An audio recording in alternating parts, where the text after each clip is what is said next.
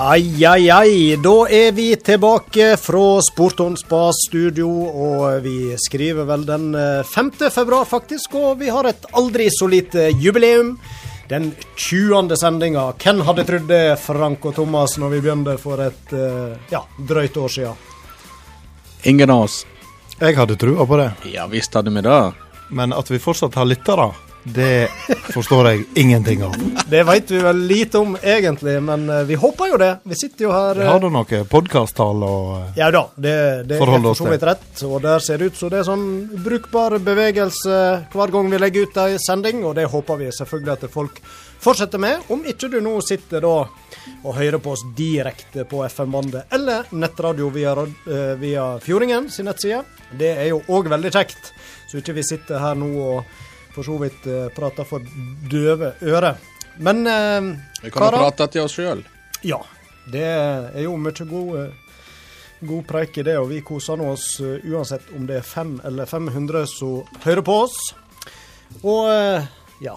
Har det skjedd noe spesielt siden sist? Og jeg er nå iallfall litt nysgjerrig, Frank, på hvordan det gikk nede i Lærdal på denne turneringa. Vi prata jo litt om det i forrige sending, og hadde jo med han Davy Vatne òg, som skulle jo til Lærdal og dømme. Og... Møtte ja, du på han Davy? Ja, um, han fikk jo T-skjorta si som takk for god innsats i programmet. Uh, så uh, dømte han òg, han trua jo med på radioen. Uh, med å gi da både gult og rødt kort til meg. ja, du var svartelista, høres det kan jeg love deg at han fikk anledning til. Og sa du det, så han dømte kamp der du spilte? Ja, han dømte oss i to kamper, bl.a. mot HamKam. Og så hadde jeg eh, hadde jeg ei takling på en annen som har bidratt i en liten re reklamejingle eh, for vårt kjære radioprogram, han Torstein Helstad. Ja. Han sendte jeg rett i veggen i Lærdalshallen. Eh, og da tenkte jeg at han David kom eh, kanskje han, eh, han, kunne tatt opp det røde kortet. Ja. Eh, men da fulgte ikke han med. Da var han i sekretariatet for å bytte overdel. Hvis ikke han var og sjekka Vipps-kontoen. sjekka busstidene, sikkert. Men ellers så gikk, eh, gikk den turneringa eh, veldig fint. Vi var en kanongjeng som reiste nedover. Eh, vi hadde det fantastisk moro og gikk sånn OK på fotballbanen òg. Mm. Det viktigste er vel det sosiale, men selvfølgelig som tidligere fotballspiller, eller nåværende òg, men iallfall aktiv fotballspiller, så klarer vel ikke helt å legge fra seg eh, at en er opptatt av hvordan det går òg på banen. Nei da, det er jo bånn gass når først kampen er i gang. Men det var sånn som han eh, ene som var med oss, han Gunnar Norebø, han snakka jeg med eh, dagen etter turneringa. Og den eneste plassen han hadde Han er ganske godt trent, og det skal nå være sagt. Den eneste plassen han hadde gangsperre, det var i lattermusklene i magen. Så da konkluderte vi med at vi hadde hatt en uh, fin tur. Men uh, det var mange innkjøpte spillere, Frank, la jeg merke til på Stryn? Ja, nå er det jo han uh, Polly, han Pål Erik Utreide, som er primus motor for dette her laget som reiser til uh, Lærdal hver siste helg i januar. Eh, og så eh, måtte vi rett og slett ut på overgangsmarkedet for å klare å stille lag. Så det var jeg, og Pål Erik han eh, Per Ole Tenden som reiste herifra. Vi hadde med oss han Karl Ludvig Daa, som er jo tidligere Stryn-spiller. Ole Kristian Haugen fra Håndalen, som òg spilte på Stryn, så de var jo innafor. Og så lånte vi med oss en eh, kar som het eh, Terje Haaland fra Austrheim, og Gunnar Norebø som òg eh, er fra Austrheim. Han har spilt på Brann tidligere, bl.a. Han har det, ja. Jeg så han var flittig på, eh, eh, på skåringslista. Du oppdaterte jo oss litt mens det pågikk der nede, så nå da var det stadig Nordbø vært frampå. Ja da, han viste seg i god form. Ja. Du da, hvordan uh, kom du fra det? Er du fornøyd? Ingen strekk? Nei, du sleit altså, jo litt før du for det. Vi hadde jo med oss såpass mange gode spillere at jeg, jeg følte jo det at jeg gjerne kunne bjønde ute. Så det var, ikke, det var, ikke, jeg som dro lasset, det var det slett ikke. Nei. Uh, men uh, vi bidro sterkt Ja, Bidro litt på banen òg, men kanskje mest utafor. Mm. Viktig da å og så forsto jeg eh, Det er jo du som har opplevd ting siden sist, har jeg inntrykk av. Du fortalte du har, mm, har prøvd deg litt bak mikrofonen andreplass òg enn her i, her i studio. Ja, jeg eh, var da spiker på eh, forrige heimekampen til, til damelaget i Ja. håndball. Ja. Debuterte som det, rett og slett. Debuterte som det. Litt sånn eh, småsvett i panna før vi begynte der, men eh, jeg tror det gikk greit. For eh, det gikk ekstra greit i og med at ingen hørte meg i løpet av første omgang. Så det var kanskje, Fikk du prata deg varm? kanskje like greit. Ja. Men Thomas var der som journalist og bivåna det hele. Ja, det gjorde jeg, og det var stilt i første omgang, ja. Ja, vi skal vel inn på eh, den eh, kampen og litt uh, annen sport eh, ganske snart når vi skal ha lokalsportrunden. Men eh, vi kan jo bare si litt eh, kort nå om eh, hva som skal skje i sendinga i dag. Nå glemte jeg forresten å spørre deg, Thomas, om du har opplevd store ting. Ja, nå hadde jeg eh, håpet at du ikke skulle spørre meg, for oh, ja. jeg, jeg, eh, jeg kommer jo aldri på noe som helst jeg har gjort på, så Nei. folk må jo tro jeg lever et utrolig kjedelig liv. Men det vet vi at det gjør du ikke. vet Å, det. Er mye fotball på TV. Å, du og du. ja. Ja, ja. Ellers, vi må jo gratulere han eh, Roy Aron med sine første Luton-poeng. Ja, det tok jo litt tid. Det Tok kjempelang tid. Ja, det gjorde det, men uh, Ja, det var ikke i helga, da, men uh, Jeg tror det siden du ble medlem i supporterklubben, så har de spilt seks kamper, kan det stemme? Ja, noe slikt. Jeg mener det var fem kamper uten poeng. Ja, og de har vunnet da én av dem. Så noe sånn flying start Mm. Og det var jo herlig. Det var mot Derby, som eh, da Torstein Tvinnereim er tilhenger av. Så jeg, jeg følte den smakte litt ekstra godt. Ja, det var den viktigste som enda med seier. da. Det enda med seier. Så Så det, spennende. Noen hektiske sluttminutter uten at jeg så kampen. Jeg bare fulgte med på litt sånn eh, oppdatering på nettet, og det var litt røde kort og litt hektisk i sluttminuttene. Så eh, nå høres det ut som du følger veldig Små- godt med, Roy småspennende. Ja, nei, det, eh, jeg skal ikke skryte på meg. Har du, Altså, har du fått deg en favorittspiller i Luton? Nei, jeg, eh, jeg har vel ennå til gode å lære navn på en spiller. Så vi, vi er liksom der. Nei, jeg, jeg har sagt til han Thomas at dette er jo mer som et uh, tvangsekteskap, hele greia. Jeg er jo på en måte meldt inn av dere. Ja. og må, Nå er det liksom praktisk tilnærming, og på en måte bare prøve å Det er jo i sånn beste kjent, og så kommer forelskelsen. Det er jo i beste mening vi har gjort dette her. eh, Det er det, og jeg, eh, jeg er liksom ikke sånn Det er ikke helt under huden ennå, men jeg, ja. det er nå sånn at jeg eh, kommer nå på det av og til. og Og så- vil sjekke litt. Må du, må du huske på det, eh, Blodfan er ikke jeg ennå. du må huske på det, Roy at du ikke kan bytte favorittlag. Det er en uskreven regel. Ja. Nei, det går ikke. Nei. Selv om det Du kan skifte kjerring, men du kan ikke skifte fotballag. OK. Selv når det er tvangspålagt. Ja, ja, ja, ja, ja. Okay. Nei, dette her er greit. Det er et uh, tvangsekteskap du ikke kommer deg ut av. så, så sånn er det. Ja, ja. Nei, men jeg tror jeg skal klare å leve godt med det, gutta. Vi tar litt om uh, dagens uh, meny, for vi har uh, en flott gjest som snart er på vei i studio. Han Inge Brynestad. Og vi har jo tit titulert han litt som denne herren eh, Stryn og Olden sitt svar på Rune tribune. Mannen som da har besøkt de fleste hopp- og skiskytterarenaene i Europa. Og vi skal jo snakke litt om eh, hva han har fått eh, opplevd så langt. Og så er det jo et VM i skiskyting, så jeg tror eh, han skal av gårde på òg. Ganske sikker på det. Høre litt hva tankene er om det. Og da skal vi òg ringe selveste NRK skjøteekspert Ola Lunde. Og det gleder vi oss til å høre hva han har å si både om Bøbrøren og skiskyting generelt. Midt i. Midt i, ja. Det regner jeg med skal bli en interessant prat. Og så skal vi òg ha med oss han eh, Harald Lødemel. Og han var jo et eh, virkelig stort eh, fotballtalent. Før han var fylt 18 år, så debuterte han i Tippeligaen for Sogndal. Og var vel både innom Start og Raufoss òg. Så han hadde en del år på det øverste nivået i fotballen, og vi skal mimre litt eh, i lag med han. Og så Ikke minst så har jo han eh, masse aldersbestemte landskamper der han har spilt i lag med ganske så store profiler. Så vi får komme litt inn på det òg. Ja, det òg blir spennende å høre hvem han eh, serva baller til fra midtbanen. Det var vel der han eh, Harald Lødemel holdt seg. Og så skal vi selvfølgelig ha litt eh, lokalsport, og der er det jo en gledelig nyhet som Fjordingen òg har presentert, at Vikane de er tilbake med herrefotballag. Vikane er tilbake i eh, seniorfotballen, og det er kjempekjekt. Nå har vi både Oppstryn, vi har Vikane, og vi har Håndalen i sjette divisjon. Og da, i den forbindelse, skal vi ha med selveste Harald Vartdal, som skal gjøre sine tanker om nyblominga på andre sida skal vi gi Vikan en, en applaus? Ja, kan vi gjøre. Det er meget godt jobba der ute at de stiller lag nå. Det var eh, utrolig kjekt å se den uh, nyheten, altså. Nå er, vi, nå er vi på gang med lokalfotballen igjen, føler jeg.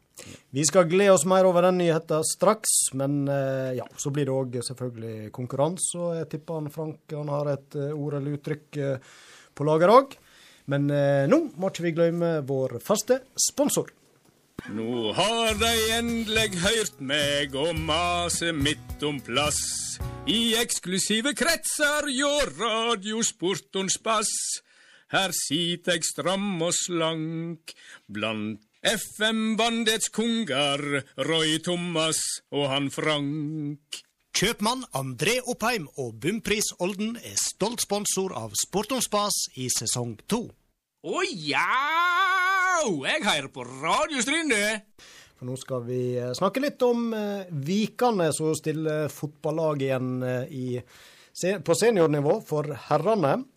Og da var det jo sånn at enten så hadde de litt mikrofonskrekk, eller så hadde ikke de mulighet for å være med oss her i kveld og, og, og prate om, eh, om, dette med nytt lag, eh, Thomas. Og da måtte vi vri hodet litt, og da kom du på en god mann. Ja, da er det jo bare til å ringe opp Indre Nordfjord sitt fotballorakel inne i Håndalen. Det er ikke noe annet å gjøre.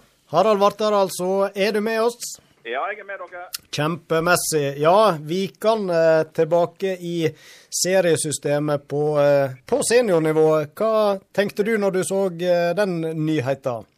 Det er noe som varmer et gammelt fotballhjerte, det må jeg bare si. For at, eh, det hører med i fotballfamilien, og et A-lag i Vikane det betyr veldig mye. Nå tenker jeg både på identitet og for at spillerne skal ha et godt uh, tilbud. og sånn. Så ja, Dette gleder meg veldig, det må jeg bare si. Og Vikane de har jo selvfølgelig hatt eh, lag eh, opp igjennom i eh, mange år, og det er ikke så veldig mange år tilbake siden sist de òg hadde lag. Men som eh, både redaktør og journalist i lokalavisa Fjordingen, så har jo du eh, sikkert fulgt deg gjennom mange tiår. Har har du gode minner om eh, dette laget på andre sida av Nordfjorden? Ja, det skal jeg si du, at uh, Vikane, sånn som de framsto da de tok det store steget opp i det som da var tredjedivisjon, og i dag er jo kretsserien. Det var et fantastisk fotballag altså, ut ifra de ressursene de hadde. Og Det var jo han, han Geir Osnes som trener, og de hadde et entusiasme i bygda, eller bygdene, da, både Utvik og Innvik. Og, så Det var en fantastisk kjekt for oss å komme ut på Innvik stadion. Hele den tribunen var stappfull, og det var stemning. og aldeles fantastisk. Jeg husker f.eks. første kampen jeg spilte i, i, i det som da var tredjedivisjon. Da spilte jeg mot Høyang. Og um, fikk, et tidlig, fikk et bakgrunnsmål, og så snudde de kampen og vant 2-1. Stein Erlend Hoff han lagde da seiersmål, husker jeg. og det var jo liksom, Da fauk jo alle, både seteklaff og alt opp i lufta. Det var jo enorm stemning. Så det er et av høydepunktene. Men ellers så det var jo en, en, sånn her en gjeng med veldig veldig kjekke spillere og støtteapparat og trenere. Arvid Fuglestrand som da Fjordingen sin mann der inne. Nei, det var, det, var, det var, stort. Kan du, eh, Harald, kan du tidfeste liksom storhetstiden til, til Vikane? Det...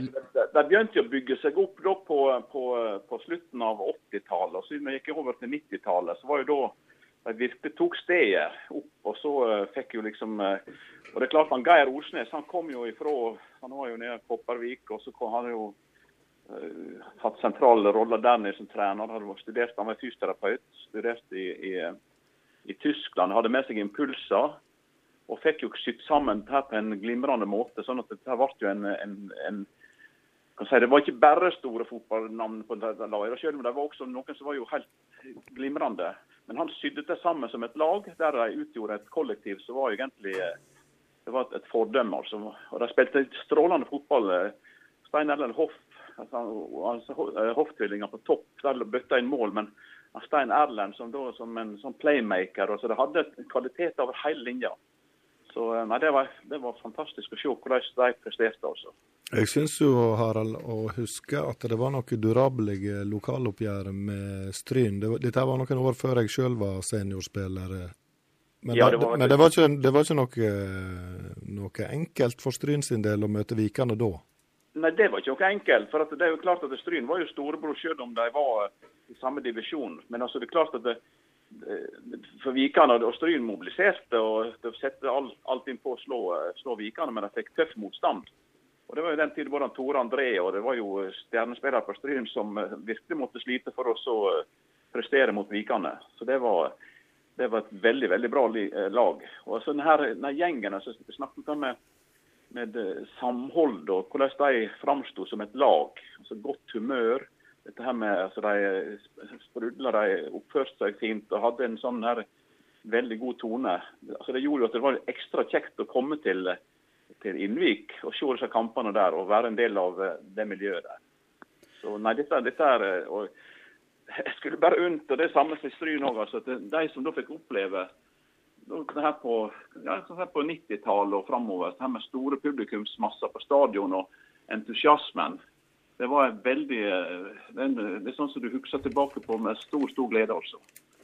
Så, eh, men, jeg- men jeg- som jeg sa, for Vikane de får ikke den, den eh, kvaliteten nå i første omgang. Det kan ikke du forvente. Det er samme som med Honda. og sånt her. Men det viktigste er at du har et lag, og du kan få en identitet. For det betyr veldig veldig mye for sånne her små eh, lokalsamfunn. da. Så jeg ønsker i hvert fall kjempelykke til. altså, Det må jeg bare si. Nå har jo eh, Vikane hatt et, eh, et godt eh, gutelag, og det har jo vært veldig mye publikum eh, på de kampene, så det er jo tydelig at eh, kanskje det har vært et, et Ja, Det eh, ligger helt sikkert en latent interesse i Vikane. Det er Ja. jeg helt sikker på. For det har en, det har en fotballkultur. og Jeg snakker med folk snakket senest med han Geir Osnes nå for 14 dager siden. Og vi sitter og mimrer sånn, og forteller om historier og sånt, om hvordan eh, bygda sluttet opp om dette her. Og, så det er klart at det her er en, en, en, en Vi har fine anlegg nå. alt dette så Det ligger godt til rette. og eh, men jeg at det med, med resultat, om du spiller sjettedivisjon eller femtedivisjon eller rykker mer opp, så det betyr jo ikke så mye sportslig. men det er likevel det her med at det har en arena der, eh, der spillerne kan ha det kjekt og publikum kan møtes. Her, eh, dette vet dere som er på Lund stadion og ser folk på Håndal stadion og ser på sjettedivisjon- det er sjettedivisjonskamper. Det er jo utrolig kjekt altså, bare møtes der borte. Det er en møteplass. Så jeg tror i dagens samfunn er veldig veldig viktig når du kan ha en positiv aktivitet. Og, så, nei, Dette jeg, har jeg veldig sansen for. Så er det jo litt kjekt at vi får eh, lokaloppgjør tilbake på eh, tilbake Ja. på banen her. Ja, Det er jo akkurat det som er, at det er det som skaper entusiasme. at Du føler liksom her, at du får en sånn eh, godmodig bygdekrig, og du kan ha litt sånn eh, Ja, folk setter litt prestisje og litt sånn passelig og sånn. Etterpå så er du kjemper med det som alt er og krefter, og så etterpå så er du like gode venner. og og det, det har jeg sett nå. Jeg har jo vært litt sånn spiker bort på i Håndalen. Jeg har sett dem som kan møte oppstryn og sånn. Så er det, de går i seg karene og står på. Men etter kampen her så er jo det verdens beste kompiser vi prater som eh, jeg liksom ikke er så nøye med. Så det er en fin, fin, fin form for idrett. altså. Nå veit ikke jeg eh, hvordan, eh, hvordan det er, Harald, men tror du det at eh, sånn som Loen Olden òg er med i et eller annet slags samarbeid der, sånn at det er naturlig at de spillerne som ikke, ikke eventuelt går til Stryn, at de da går til Vikane? Ja, det tror jeg. Nå så han Geir Inge som skal trene, og, og det er klart han har jo sikkert mange sånn eh, som eh, han kjenner sånn som kan være med, som kan bygge et sånt miljø. og Ideelt sett er det klart at burde hatt lag i, hatt lag i, i Loen òg, kanskje Olden, selv om det kanskje kan bli litt voldsomt. Men at de hadde det, men eh, et, et lag i Vikane som kan ha spillere fra andre plasser rundt omkring, det, det har jeg absolutt tro på. Så det, jeg tenker det kan jo være på en måte en, en base for å holde laget gående da, over, Ja. over tid. Det er helt sikkert riktig, og det, det er det som er liksom utfordringa. Det ser jeg sånn som her i Honda nå, at utfordringa er altså å klare å ha det stabilt. Altså Hvis du hadde hatt en, sta, en, en, en 18 spillere som du hele tida hadde vært disponible, da hadde det vært veldig enkelt å ha et A-lag. Men så viser det perioder så er det veldig vanskelig å stille 11 mann. Og Da, da er det utfordringene. Så dette her med at du kan ha et, eh, spillere fra andreplass òg, som kan sånn, det, det har jeg tro på. Men det kan ikke bli sånn som Ton- Tondkamp, som brukte 56 spillere denne sesong. Det, det blir litt voldsomt. Det var mye kvalitet. det var mye kvalitet. Ja, De må ha en stamme, sånn, men det er jeg helt sikker på de får til. Han Geir Inge han har god kontroll på det der, og så får han med seg eh, De har et lag som Det er jo ikke all verden. For å si det Jeg sier, ofte dette her Folk som nå spiller i, i sjette divisjon, du har gjerne tirsdagskamper. Altså, ikke, Du bruker ikke så mye tid at ikke de fleste har anledning til å være med, hvis du er interessert. Og Det skal jeg love dere. Det, disse her som, hvis noen hører på så yngre spillerne, at den- dagen du er for gammel til å spille, da kommer du til å angre på at ikke du brukte de sjansene du hadde til å være med på et A-lag sånn på dette nivået der. For det er utrolig løye. Det kan jeg skrive under på, Harald. Så jeg håper at Nei, det har jeg veldig nå. Jeg, vet, jeg ble veldig glad når jeg så at Vikan hadde meldt på lag. og Dette skal bli artig å følge dem. Ja, dette hilser vi veldig velkomment. Og så eh, vet jeg, Harald, er det sjanser for at til og med du tar turen eh, på andre sida av fjorden og får med deg en kamp i løpet av sesongen? det, skal, det, det skal ja, men det satser satse på. for Det, det, skal jeg det, det, det tenker jeg på alle de gangene jeg var på, på Innvik stadion. og Det er mange år siden, da, men eh, i den tid da vi var der, så var jo det nesten at vi reiste inn og så både treningskamper. Vi så jo det de hadde. og, og Det var jo eh, det var dette her miljøet du følte liksom at du var en del av.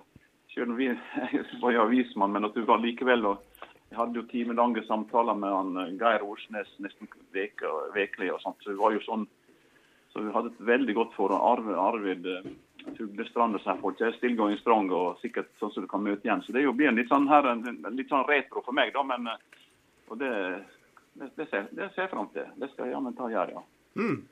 Kjempeflott, Harald, at du ville være med og eh, gjøre deg litt eh, tanker rundt eh, at Vikane nå er tilbake med herrelag. Og så Ja, det applauderer vi. Ja. det Bare skyte inn helt til slutt, eh, Harald. Eh, Jeg må få lov å takke for sist, da vi møttes på eller i 50-årslaget til han Svein Olav Solum. Da var jo du borddama mi, eller omvendt. Det ble vi ikke helt enige om. Kari borti kroner og lær.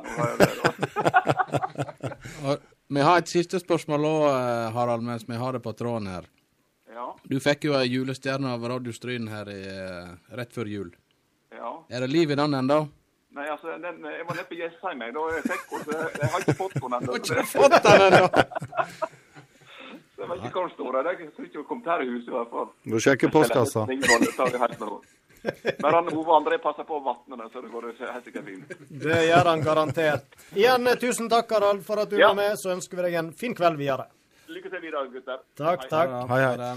Yes, fra eh, Vikan og lokalfotball så eh, skal vi ta litt kjapt om annen lokalsport som har skjedd eh, siste dagene, før vi etter hvert skal slippe til han Inge Brynestad òg. Men vi, vi kan nå holde oss litt i fotballværa. Det var et uh, KM-kvalik. Det var Ja. vel i Vikane òg, blant annet? Ja, det var KM-kvalik i futsal for aldersbestemt i Styrkhallen lørdag og Strynehallen søndag. Og der eh, var det jo knallhard innsats, selvsagt, og kamp om eh, å komme seg til sluttspillet på Sandane i månedsskiftet. Og Stryn får vel med seg seks lag der. Ja, det høres jo svært ut. Var, Ja. det, var det andre lokale lag som stilte? og- Ja, Vikane stilte vel et par lag, men de eh, dessverre kom seg ikke videre. Nei. Så uh, ja. Du Frank skal vel ned på Sandane, du da? Da blir jeg hjemme. jeg var, vi hadde jo eh, to eh, gutte 14-lag med, men eh, vi hadde eh, håp om å få ett av de videre til sluttspillet, iallfall. Eh, men opplevde en dag der alle marginer gikk eh, imot. Så vi ble da nummer tre i den pulja, og det var bare to som gikk til sluttspillet. Sånn kan det gå. Eh, ja. Fortsatt irriterende. Ja, ja, ja, ja. ja. Hvis vi da hopper kjapt videre til det vi òg har vært inne på, eh, håndball, der du var speaker, eh, Frank, eh, i helga, så kan vi nå ta hvordan det gikk med selve kampen òg, som kanskje er vel så interessant. Så hvordan det gikk med speakeren? Ja, Stryn hadde jo besøk av Cyril fra Sogn eh, på lørdag. Gikk på et, eh, jeg vil si et surt tremålstap. Dette var et lag Stryn absolutt burde ha sleget. Eh, men eh, det var stang ut, stort sett. Det var, jeg tror knapt jeg har sett så mye stangskudd Jeg tror Stryn hadde seks eller sju stang ut i løpet av den kampen, pluss en masse andre sjanser som de normalt setter. Ja.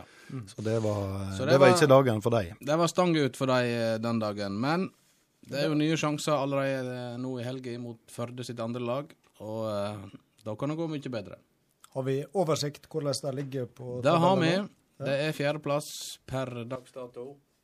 Ehm, men det er jo så mye Det er så ujevnt spilte kamper i den divisjonen der at uh, Eid på plassen framføre, f.eks., har jo ett poeng mer, men tre kamper flere spilt. Så er det jo um, Vi eh, haster videre, vi, til, um, til litt vintersport òg. Det er jo tross alt vinter ute, og må ta med det òg. For det var et ungdommens Holmenkollrenn der lokale løpere eh, viste seg litt fram. Vi hadde to eh, 14-åringer med der, ja. Inger Hjelmeset og Katrine Svarstad Hegdal fra Markane. Ja. Og der er det jo eh, nærmere 200 på startstreken. Og eh, når du kommer topp 30 og til og med kommer på 13. og eh, 26.-plass, Ja, da plasserer du deg på første side av resultatlista. da- hvert fall. da får du premie. Da får du premie. Kjempebra. Så der eh, viser iallfall at rekrutteringa den er ikke det noe i veien med når det gjelder langrenn, som vi for så vidt har vært klar, klar over. Så må vi òg nevne eh, Stryn United. Har jo vi hatt eh, besøk av her i studio. Var, var det før jul? det var det vel, ja. På senhøsten i fjor? Stryn United, de Jeg Han Jon Os sa til meg at jeg måtte komme opp på en eh, trening oppe i Bø, i gymsalen der. Det skulle foregå noe spesielt. spesielt. Så der eh, kom han eh, Rune Omedal fra Sparebanken Vest med en sjekk på 56 000 kroner til dem. Oi. Ja. Som de da skal bruke til reise og opphold på noe som heter landsturneringen ja. i Kristiansand. Da var det vel jubel i taket, regner Da jeg med. var det jubel, ja. Ja. Så det var vel fortjent. Kjekt. Ja, men det er bra. Og så eh, er det jo ikke så mye reklame vi bruker å drive her, bortsett fra vår stolte sponsor eh, Bunnpris i Olden, som vi allerede har hørt litt fra. Men eh, i dag så hadde vi lyst til å nevne en god samarbeidspart for oss som bl.a. jobber med lokalsport, men òg for alle som er interessert i lokalsport, og særlig fotball, da. Så er det en ut ja, det er ved Stårheim som kanskje Er ikke Stårheim han bor, han Stig Høynes? Ja, jeg tror det. Og um, Driver han, Haugen fotball. ja, han bruker jo ufattelig mange timer og uh, mil på uh, kilometertelleren sin på å ta da bilder av smått og stort som skjer i fotballen, spesielt i Nordfjord. Ehm, han um, går vel ikke akkurat i pluss på det prosjektet der, så eh, vi vil da oppfordre til å vippse han Stig Høynes eh, 200 kroner. De som setter pris på den jobben han gjør for lokalfotballen, bør føle seg forplikta til å gjøre det. Nå kom jeg på det, at det har ikke jeg gjort sjøl, men det kommer til å bli gjort i løpet av denne sendinga eh, for meg. Gå inn på Haugen fotballs eh, Facebook-side. Der står informasjon om det, og støtt opp om det prosjektene Stig Høynes driver. Det er helt uvurderlig for lokalfotballen. Det er helt sikkert. Og vi som jobber i lokalavisa, vi bruker jo òg Haugen fotball som eh, Hvis vi skal hente litt stoff vi Det gjør vi. Og da kan vi nå nevne at vi, vi, vi, vi yter nå han litt for å gjøre de tjenestene, selvfølgelig. Men eh, han fortjener så mye mer for den store jobben han gjør, så den uh, støtter vi fullt ut og gir han uh, litt drahjelp der. Da tror jeg vi har vært gjennom viktigste hendingene fra helga. Så gleder vi oss til å ta en prat med Inge Brynestad øyeblikkelig, men vi spanderer på oss bitte litt musikk først. Nei, altså, sportens det er jo god å få teorien i praksis, ikke sant? Altså, du har de beste folkene på de beste plassene. Da er kveldens uh, hovedgjest på plass, han uh, Inge Brynestad. Velkommen til deg. Takk, takk. Ja, vi har jo sammenlikna deg her med han som har fått uh, tilnavnet Rune Tribune, og eh, han ble jo lokalkjendis, eller nasjonal kjendis for å stille på det som finnes av idrettsarrangement. Vi ser jo han stadig vekk med vikinghjelm på tribunene. og jeg, Jeg vet ikke, Har du òg et kjennemerke når du står på tribuneplass? Nei, altså stort sett så er jeg eh, norske flaggkledd eh, fra topp til tå. Ja. ja. Men det er litt forskjell på meg og Rune-tribunen, da. Det, det, du, du plasserer ikke deg sjøl i sameliga, eller? nei, nei, det gjør ikke jeg. Men eh, at du reiser på eh, mye idrettsarrangement, det er nå iallfall eh, ikke tvil om. og Eh, fortell litt. Hva type eh, idrettsarrangement har du fått opplevd så langt? Nei, det begynte vel i 97 på VM i nordisk i Trondheim. Og så har det bare balla på seg. Ja, vi har for til annethvert år da, på nordisk. Da Oddbjørn Hjelmeset Så var det liksom å være med der. og så har det bare blitt mer og mer. Litt Chesse-VM har vært på, på Hamar, og så har det blitt OL plutselig en tur. Og så er det skiskyting og skiflyging det stort sett går i. Ja. Ja. Så det var litt eh, Jeg skulle til å si var det Oddbjørn Hjelmeset som skal ha litt av skylda for engasjementet i starten, da? eller? Ja, det kan du si, for det var jo en gjeng da som lokka meg med, skulle jeg til å si, i 99. I 97 da kjørte jeg lastebil, og så passet det seg at jeg tok helga i Trondheim, og så var jeg på, så på idrett da, og så ble det da i 99 og vi dro til Ramsau. Ja. Da var det en gjeng fra Sandane, så var vi vel en ja, ni-ti stykker. ja. Og da fikk du med deg gjennombrudd av med bronsemedalje? Ja da, det gjorde vi. Så det, det har vel synt på fjernsynet visst noen ganger. Duble og litt forskjellig. Ja, ja da. Så Var, var du i, i bakgrunnen der, du òg? ja, det var jeg visst. så det Ja, Artig seanse, det. Ja da, det var, det var en litt spesiell tur, da. For eh, jeg visste ikke så mye. Det var en som meldte avbud, så jeg bare sa at jeg blir med. Og eh, det begynnes nå forferdelig mye med styr, for, vi folk fra Flesland. Flyet forsinka. Og så rakk ikke flyet ifra eh, Vi skulle bytte fly i, i Holland, videre til Salzburg. Ja. Og det gikk nå opp i ball. Så vi kom nå ned til Salzburg på natta, over natta der. Og da var i grunnen nesten først da jeg visste at vi skulle bo i lavvo. Og så tenkte jeg hva i helsike? Ja ja. Det var jo greit når vi kom til, tok drosje opp til Ramsau. Og fikk opp lavvoen. Det var ikke like enkelt, for det begynner litt litt på dagen. og um, men dette gikk nå over stokk og stein. Jeg sov ikke et sekund hele natta, for uh, andre sovna lettere enn meg akkurat den natta, så jeg måtte bare passe på. Uh, ja, vi fyrte nå. Og så dagen etterpå, da, så var, Jeg husker ikke akkurat hvordan det var da, men kom for jeg prate med noen. Og eh, ja da. For det var jo, alt var jo fullt. Og så var det en som jobba på en pub der, og han kjørte oss ned på en gård. Og vi fikk nå forklart situasjonen og fram og tilbake, og til enda var vi Nei, vi var ni stykker. Så det, vi var, fikk to rom og ni personer. Det gikk bra, men så var det litt styr, for at eh, av forsikringa på huset så kunne ikke de ha så mange. Men eh, det var den tida jeg kan da betale litt for det. Ja. så da var vi der i elleve dager. Ja, men gjestfrihet, det, den er viktig når en er ute på tur, sikkert. Ja da, ja da, det er det. Og det er veldig kjekke folk nede i samme hva du er. Og så, og så har, eh, har kanskje planlegginga fra de side blitt enda bedre med åra etter hvert som du er dreven i dette her òg. Ja, det har forandra seg litt, det har det. Veit i hvert fall stort sett hva jeg skal bo hen og alt sammen. Det Ja. det. Så det går bra. Men, men når du reiser på disse turene, det er jo eh, som du sier, både VM og du har vært i OL i Vancouver, og det er ikke måte på. Hvor, eh, organiserer du sjøl, eller går det via eh, rett og slett profesjonelle aktører? Nei, til å begynne med så organiserte de sjøl. Men så kom jeg i kontakt med folk. Det var mye styr med organisering. Inn du måtte, ja, både penger og styr og vesen.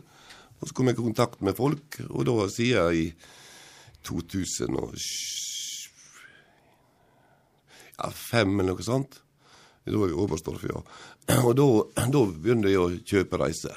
Ja. Det koster en tusenlapp eller to mer, men du slipper å tenke.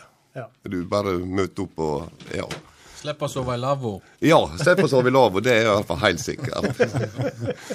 og, eh, så, og, og da vi var nede i Ramstad, hvor det hadde gått For på ett døgn så ser det 1 meter og 20 centimeter, så ja, det har blitt snøhøle til slutt, da. så eh, nei da, så det er veldig greit. å reklamere til bruk av Stegane Sport. Det er en uh, sunnfjording som holder til nede i uh, Prestfoss. Og det er veldig enkelt. Da får du det du vil ha. Ja. Ja. Så det er veldig, veldig flinke fyr. Men disse turene, er det noe du planlegger lenge i forveien, eller kan det være litt sånn impulsivt òg? Det er jo mye å velge mellom i løpet av en sesong. Det er det. Så har jeg noen plasser jeg liker meg veldig godt. Antarselva annet. Rupolding, Planisa. De er liksom faste. Nesten har vært de siste åra. Men så eh, Kanskje ringer han meg at han har en plass ledig, og så spør jeg om jeg kan få fri, og så drar jeg. ja. Og så kan jeg ta OL i Vancouver. Det var jeg og Atle Svarstad her fra Stryn. Ja. Han ringte meg en fredag eller lørdagskveld og lurte han på om det ble noen tur i år. For han hadde vært med noen turer. Og da sa jeg det at jeg hadde fått ordna meg bare til Planica, sa jeg. Han var ikke så interessert i det, så jeg sa da drar vi til OL, da, sa jeg. Det var stilt i ti sekunder. Mener du det? Ja, sa jeg. Jeg er med. Og så begynner jeg å sende noen mailer, og så satt jeg på jobb mandagskvelden klokka var sju eller noe sånt, og fikk en mail. Seks plasser ledige. Og onsdagen, tror jeg da var vi i Vancouver. så det Så det går an å være impulsiv òg. Ja da, det gjør det. Ja. det men der er, det, det er veldig rift om det. Mm. Det er det. Så eh, Men eh, det er mange som planlegger litt fram. Men eh. Jeg bestemmer et par turer, det gjør jeg i god tid. Men når du skal velge hva du skal hen, er det da eh, en idrett som drar deg, eller er det selve plassen? Du nevnte jo Planica f.eks., det er jo skiflyging. Ja. De, plassene òg er fine, men det er nå idretten som jeg eh, liker å se på, ja. Ja, hva slags eh, er det som er favorittene? Det er veldig vanskelig. Det er skiskyting og skiflygning. Det, og det å sitte i hoppbakke ti meter, for da de landa og så de hoppa 250 meter, da, det er noe spesielt med det òg. Men det er òg spesielt å se de kommer inn på stadion og Det skjer så mye. Det kan være én bom som plutselig eh, omvelter veldig mye. Så eh, Men det, det, det er flott, begge deler. Men det, det er vinterstid du eh, Ja, reiser. det er det. Så det Det er fri på sommerstid. Ja, det er det. Da, da, da må du jobbe inn igjen kanskje alle timene du har vært vekk på vinteren? Fins det ikke ferie på sommeren? Det, det, må, det blir brukt, opp vinteren. Ja. Nei, men jeg tenkte på det. Du må nå ha en, eh, en fleksibel arbeidsgiver kanskje òg, da. Siden du kan Det Ja. går nå noen dager. Det, det gjør det, så, eh, så litt innarbeiding og litt sånn, så eh, Men eh, dette må vi passe på. Vi vet, jeg tid når renna går et halvt år, et år i forveien, så kan vi planlegge litt grann der. Av og til kan en kunde da må Rolf gi seg. Men det, Da snakker vi om han eh, Rolf Rolf Stenden. Ja, ja. men det er vel mye de samme folka du eh, reiser i lag med, kanskje? Ja da, det, det er mye opp at opp at eh, I hvert fall du, om ikke det er hver tur, så kjenner du igjen noen etter hvert. Det gjør du. Så eh, Nå er ikke jeg noen ungdom lenger heller da, men eh, det er mye eldre folk. det er det. Så, Etter å ha besøkt mange plasser, er det noen du vil trekke fram? Jeg tenker stemninga, for det er vel noen plasser som utmerker seg. eh, At du får en helt spesiell eh, atmosfære. Og... da er nå Rupholding eh, vel kanskje den plassen som er Ja, jeg syns det er noe flott. Antarselva òg, det er det. Og så har nå du Kranjskagårda i planen, så der er det òg er helt utrolig. Det Sånn som du hopper ikke når en slovener skal hoppe, så er du ingenting. Da må du liksom holde oh, ja. feirene. Det, det, da er det sånn Da er det jo 30 000, ikke sant, og det, er- full, full, full hamping. Ja. Ja. Så, eh, men fineste plasser Oberstdorf er en kjempeplass. Der er jo VM i Nordisk neste år. Og eh, fineste eh, stadion for tilskuere, det er Novo Mesto i Tsjekkia. For skiskyting. Ja. Ja, Der har du så utrolig god oversikt. Så eh, Men eh, med mange turer så eh, får en kanskje av og til noen litt sånn dårlige opplevelser. Nå nevnte du jo en eh, lavvo som ikke var helt planlagt. Men har det vært noen andre litt sånn Ting har ikke gått helt etter planen, eller? Nei, eh, Det har faktisk gått veldig bra. Ja. Du bestemmer stort sett sjøl hvordan det skal gå. Ja, ja. Det er det, så det har vel uh, gått, gått veldig bra. Det har det. Og aldri blitt kasta ut av stadion sånn som han står hjemme med skralla? Eller? Nei, nei, nei, nei. nei. Det, det har gått veldig bra. Så uh, Nei, du Du kan se hvis du er på et strand nede i Europa etter Holmenkollen, så, så uh, Det er god stemning, kan du si, i eh, Europa. Og jeg skal ikke snakke stygt om Holmenkollen, men det er mye mer fyll. Ja. Synlig fyll i Holmenkollen enn det er nede i Europa. ja. Det er det. Så det er mer sivilisert der nede. Ja. Så, eh, men de er utrolig flinke. Det er veldig mye folk, men det er veldig lite kø. Det går eh, ut og til, til og fra stadion. Det er ikke noe problem. Nå nevnte jeg eh, han Stårheimeren, han Hafsås. Arve, ja. Han med. Ja, du kjenner jo Ja sikkert. Ja, Møtes dere ofte på Ja, renn Ja, det gjør vi stort sett hvert eneste år det er på skiskyting. De er nå ofte hvert år på VM i skiskyting. Ja.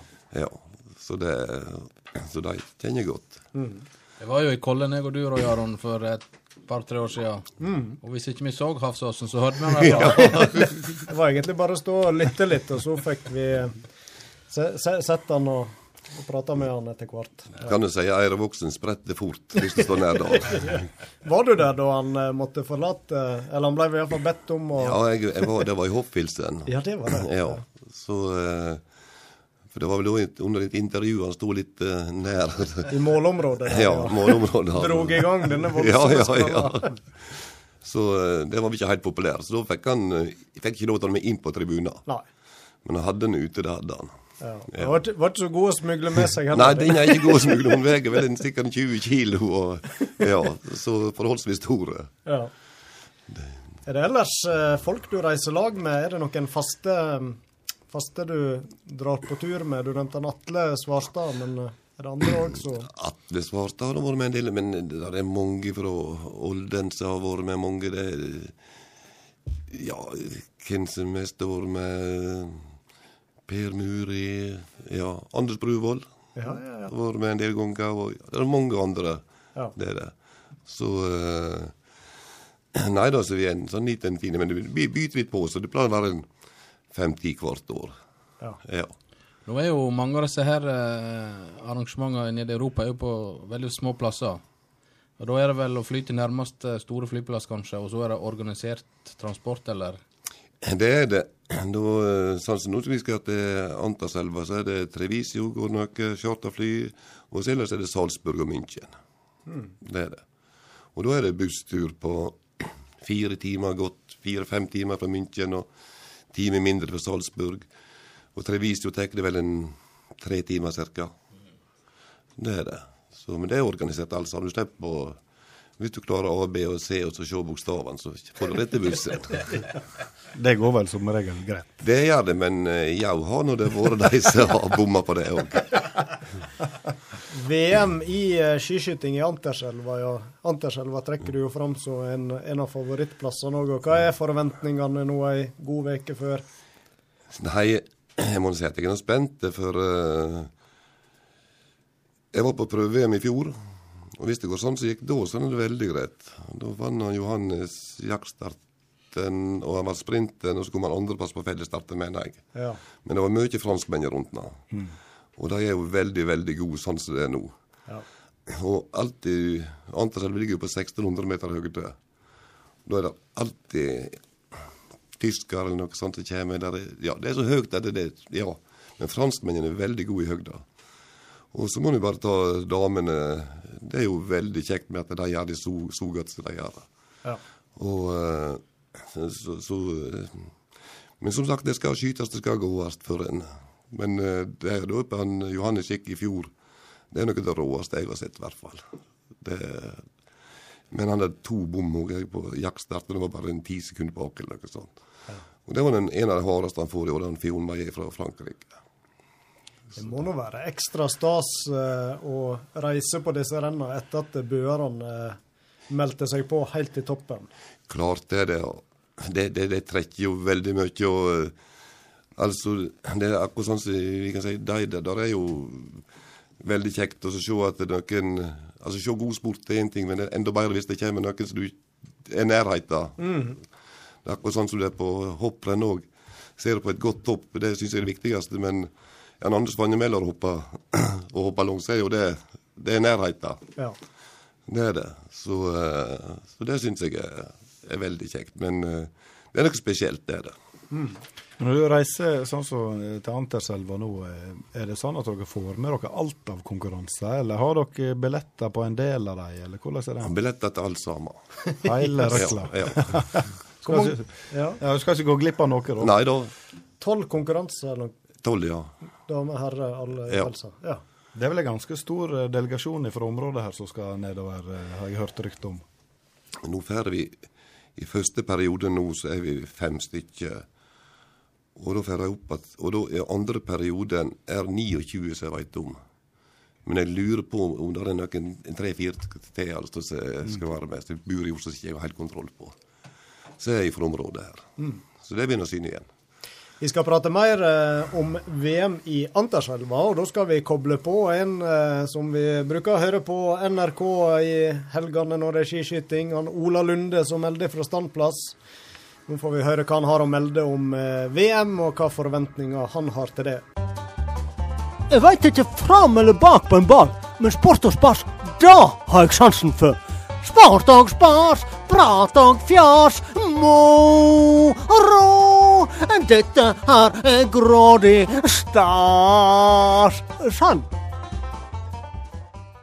Da er vi veldig glad for å ha med kanskje den største eksperten vi har på skiskyting, iallfall sett ifra standplassene. Ola Lunde skal være med oss. God kveld.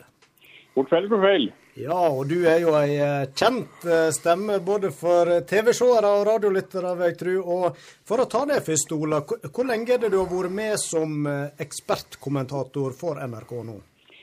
Jeg har vært med i NRK siden VM i 2000 i Oslo. Eh, Så på alle verdensgrupp har jeg ikke vært med siden da først i 2001-2002-sesongen. Jeg vant på alt. Så det begynner å bli noen år. Yes, og da har du 20-årsjubileum, rett og slett. Ja, jeg har faktisk det. Ja.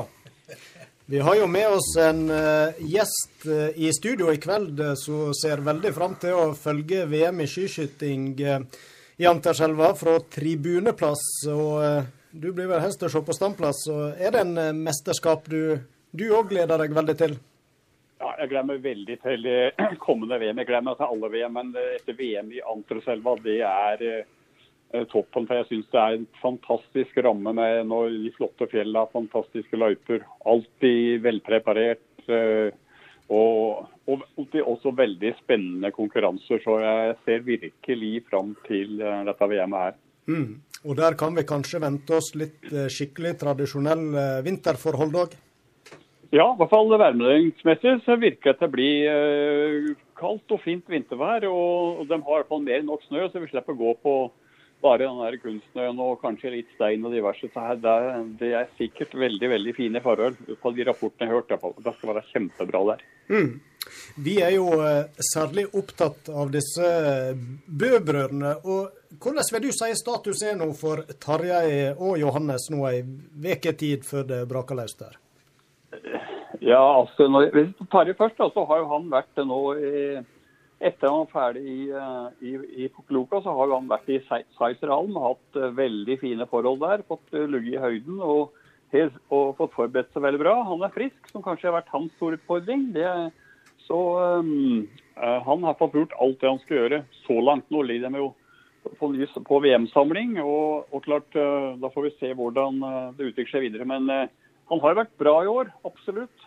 Han har jo to andreplasser i år og um, har jo skutt som vanlig veldig veldig bra på liggende og litt mer, eh, også litt bedre på stående faktisk i år. Men eh, den store, eh, den aller største norske herrefavoritten, da, det er jo selvsagt Johannes. Han har jo seks seier i år. Men det er klart, eh, han var ikke spesielt fornøyd med langrennsformen sin i, i Pukluka. Klart Han har blitt far, da. og eh, alle som har blitt der, vet jo at eh, det går ofte litt utover nattesøvn og, og tid til hvile. Så klart, eh, hvis ikke han får, eh, får hvilt nok, så er jeg liksom litt, litt mer usikker på, på VM-formen. Veit du når han Johannes reiser nedover til, til VM? Eh, altså Planen er at han reiser ned på, på, på tors altså, reiser i, i morgen, Ja. på torsdag altså, ned til, til Martell, der resten av laget er. Og så slutter seg selv der. og Da vil han få åtte-ni dager eh, i høyde og og få tilpasset seg bra. Og sikkert få sove bra. Så han eh, kan være i god form. For er han i samme form som han var før jul, i Frankrike så tror jeg ingen omtrent har sjanse mot den. Det han gjorde i Frankrike i Le Grand Bonnat var jo helt, helt enormt. altså. Men du Ola, som eh, selvfølgelig har et spesielt øye til skytinga. Hvordan er skyteformen til eh, Bø-brødrene? Ja, altså, Johannes har skutt kjempebra i år. Han har altså en treffprosent på 95 på ligg og 92 på stående. Det er et eh, enormt høyt nivå. Og han har vært raskest i løypa på alle sprinter. Uh, vet, sånn, apropos altså Martin Fourcade, da, hvis du ser på han ifra, uh, fra de løpene han har gått til 2020, da, så har han faktisk treffprosent på 98 både på ligg og stål. Så klart han har vært fantastisk god når Johannes er borte. Når det gjelder Tarjei, så er det også kjempebra på ligg, som det har vært i alle år. 95 på, på ligg, og så har han 81 på stående. Så han, eh, han, jeg tror han må bli noe bedre. Altså. Han må sette den, eh, det siste skuddet på stående. altså Han må ha fullt hus på den siste stående-serien for å være med og kjempe om gull i Anterselva. Mm. Der er du jo inne på noe vesentlig. Det er jo ikke få topplasseringer, for ikke å snakke om medaljer og pallplasser han Tarjei har mista på disse siste skuddene. For ikke å si det det siste skuddet. Ja, det er helt klart. Han, han har jo hatt en utfordring med ståskytinga si. Og, og klart når du er på 80% i, i treffprosent, så vil han treffe åtte av ti skudd. og det har vi sett det flere ganger at han da har uh, mislykkes på, på siste serien. Jeg syns det har vært bedre i år. Han har klart å sette noen uh, flere serier uh, fullt hus. Uh, så jeg er mer optimist, altså. Men som vi sagt, hvis, vi tenker tilbake til den siste fellesstarten i, i Pokeluka rett før VM her nå, da, så bommer jo alle de norske som var hadde sjanse til å, å, å vinne der. Og jeg tror det blir tøff kamp fra de franske løperne først og fremst, som vil utfordre de norske om, om VM-gull og, og medaljer videre. Så er det jo sånn, Ola, at vi, vi eh, hører jo mye om eh, utøverne sine forberedelser før en eh, mesterskap. Hvordan er det med deg og kollegaene? Er noen forberedelser der? Ja, det er veldig mye forberedelser. og altså, I siste runden i Pokloka så gjennomførte vi vel 25 såkalte VM-intervjuer med de norske utøverne, selvsagt, pluss veldig mange utlendinger. Og så er det jo masse opptak og planlegging for hver eneste sending. Så det er- ganske mye jobb for, eh, for den gjengen som skal ned til VM òg. Det skal sendes mange timer, og da må du ha et bra innhold der. Så, så det handler om å, å, å følge godt med og være godt forberedt. Jeg har et lite spørsmål når det gjelder ditt eh, favoritter. Nå har jo franskmennene hatt tre-fire blant de ti beste, ja, i hvert fall det siste, i Frankrike og Poplioka. Så har de vært utrolige. og De var jo veldig gode i prøve-VM i fjor, men da var vel han Johannes Heid suveren. Er det er kanskje noe av det beste han har gjort. Hva du mener om det? Og så er det som regel alltid en tysker. Ja, så klart, altså Hvis Johannes er i god form, så er han helt klart favoritt på alle distanser. Men jeg må si at de franske løperne har virkelig hatt et uh, løft i år. altså, og Det er ikke bare Martin Kamm, men han godeste Quentin Fiomayer blant annet, han gikk jo raskest av alle i de løpene han gikk nå i, i Pokloka. Så de har et uh, veldig sterkt uh, lag. Så har vi noen utfordrere òg. Vi har uh, Bendik Doll f.eks., som har en World Cup-seier. Vi har Loginov fra Russland og ja, vi har flere òg. Men, men jeg tror største utfordrere blir da de, de, de, de franske løperne. Ja, nei, det, det, det tror jeg òg. For sånn som det har vært, så eh, Det er alltid en av de som dukker opp, syns jeg, nå det har vært siste renna.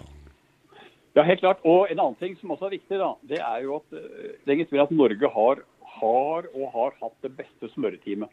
Eh, skal du være best, så må du ha, et, ha veldig gode ski, og det hadde i hvert fall Norge. Helt fantastiske ski før jul. Og har et bra ski etter jul med Frankrike og har virkelig eh, bygd opp et veldig veldig godt uh, smøreapparat og er uh, ja, bortimot på høyden med Norge. Så Norge og Norge og Frankrike er de klart beste på, på skibiten. og klart Da har de eh, en fordel der i forhold til de andre òg. Du, Ola, du, har, du, rapporterer jo selvfølgelig skytingene til de norske. og Hvis vi, hvis vi ser for oss eh, Johannes på siste etappe i stafetten, han kommer inn eh, kanskje i lag med et par andre nasjoner. Hvordan er da de drømmekommentering av siste stående skyting der? ja, altså det må jo som han har vært gjort noen ganger. Da. Det er vel bare at det er midt i, midt i og midt i og midt i og midt i. Jeg kjenner rett ned. Og det er absolutt uh, og, og, som Johannes kan gjøre på det beste, en superrask serie ned mot uh, eh, 20 sekunder. Og Da er det jo, da er det jo ingen som har, har sjanse mot den. Ja, Da får han Johannes høre dette her, og så får han gjøre sånn som han får beskjed om. Ja, ja, ja. Absolutt. Vi kan jo få et inntrykk, Ola, at du ser de fleste plasser i Europa gjennom et kikkertsikte, men uh, du får vel med deg eh, stemningen på stadion, selvsagt? Ja, det gjør jeg. Og det blir jo en eh, helt fantastisk stemning nå i Anterselva. Der er det jo så i hvert fall alle helger helt utsolgt. Og, klart, og der kommer publikum så veldig tett på, på utøvere òg. Så det blir et enormt trøkk å stå der på ski VM og, og skyte for, eh, for VM-medaljer. VM-gull helst, da. Mm. Til slutt, Ola, så jeg har lyst til å nevne litt de karriere som eh, skiskytter. Eh, ikke uventa så var jo skytinga eh, kanskje de sterkeste sider. Du ble vel kalla for Nuller-Ola, stemmer ikke det? Jo, det stemmer det. Jo, jeg var bra til å skyte og gikk for dårlig på ski. Jeg trente sjøl mest på det jeg var god i, i stedet for å trene mer på det å bli bedre på ski. Det, det har jeg prøvd å gjøre noe med. De utøvere jeg har trent senere, i hvert fall. Ja. Dine høydepunkter fra, fra skisporet? Nei, Det er jo ikke så veldig mye å, å skrive hjem om, for å si det sånn. Jeg har jeg var, faktisk, jeg var jo faktisk nummer åtte i et junior-VM i Rupolding i 79. Da var jeg den beste vesteuropeer. Da hadde vi altså fire Enten var det tre østtyskere og, og fire russere foran meg, eller omvendt. Så det, Eh, så, så, det var jo litt sånn på juniorsida, men ellers så har jeg Jeg har noe NM-gull i stafett for, for Østerdal i sin tid òg. Ja, her kommer den fram, du. Ja, ja, ja. Hvordan, men, men, hvordan vil du si at sporten uh, i dag er sammenlignet med da du drev? Det er et helt, helt annen idrett. Det er altså blitt så enormt høyt nivå. Uh, da vi surret rundt, da, brukte vi jo sikkert ja, 45-50 sekunder på en skyteserie. Mens nå skyter man det på 20 sekunder. Farten i løypa, er, alt er eh, en helt annen verden. Og vi har fått mange, mange flere flotte konkurranser med. Vi har fått jaktstart, vi har fått fellesstart. Så har vi disse uh, singel single òg, som gjør at det blir veldig mye tette og spennende dueller. Så det er, uh, det er fantastisk uh, fin TV-idrett. Mm. Kunne du tenkt deg å være utøver i dag? Ja, hvis jeg, hvis jeg har vært god nok, så har det vært veldig ålreit å være utøver. Men eh, jeg har det egentlig veldig bra der jeg er akkurat nå. da. Men da, var, da, dere brukte 40-50 sekunder på standplass, var det kaffeservering og sånt der? Nei, jeg har, jeg har sett noen opptak av det, og jeg må bare si at jeg nærmest gremmes av hvor, uh, hvor sakte alt gikk da. Også, Men, eh, men, sånn var det, da. Og Det er jo, typ, det, er jo det som er klassisk for toppidrett. Den utvikler seg hele tida. Alt går fortere. Jeg så, jeg så bare løpstida på 20 km fra 1995 da, i, i VM i Antershava. Da var den over en time vinnertida. Og nå tipper jeg at uh, vinnertida i, i, 20. i år blir 48-49 minutter. Mm. Bare, ja, det sier jo ganske mye om hvordan ut, idretten har utviklet seg. Men det var litt rart du brukte så lang tid, for hvis jeg tar helt feil, så du var norgesmester enten i stang eller felttur, jeg. Ja, jeg har vunnet norgesmester. Jeg har, jeg har, NM, ja, jeg har vunnet stangmedaljen ja. Euro med 1990. Så har jeg vunnet samlagsskytinger og diverse ja. forhåndsutdeling, men eh, ja, jo da. Ja, og nå skal du mange flere skudd til fem skudd? ja, ja, da skjøt jeg mange flere skudd enn fem skudd. Det er riktig. Det gjorde jeg.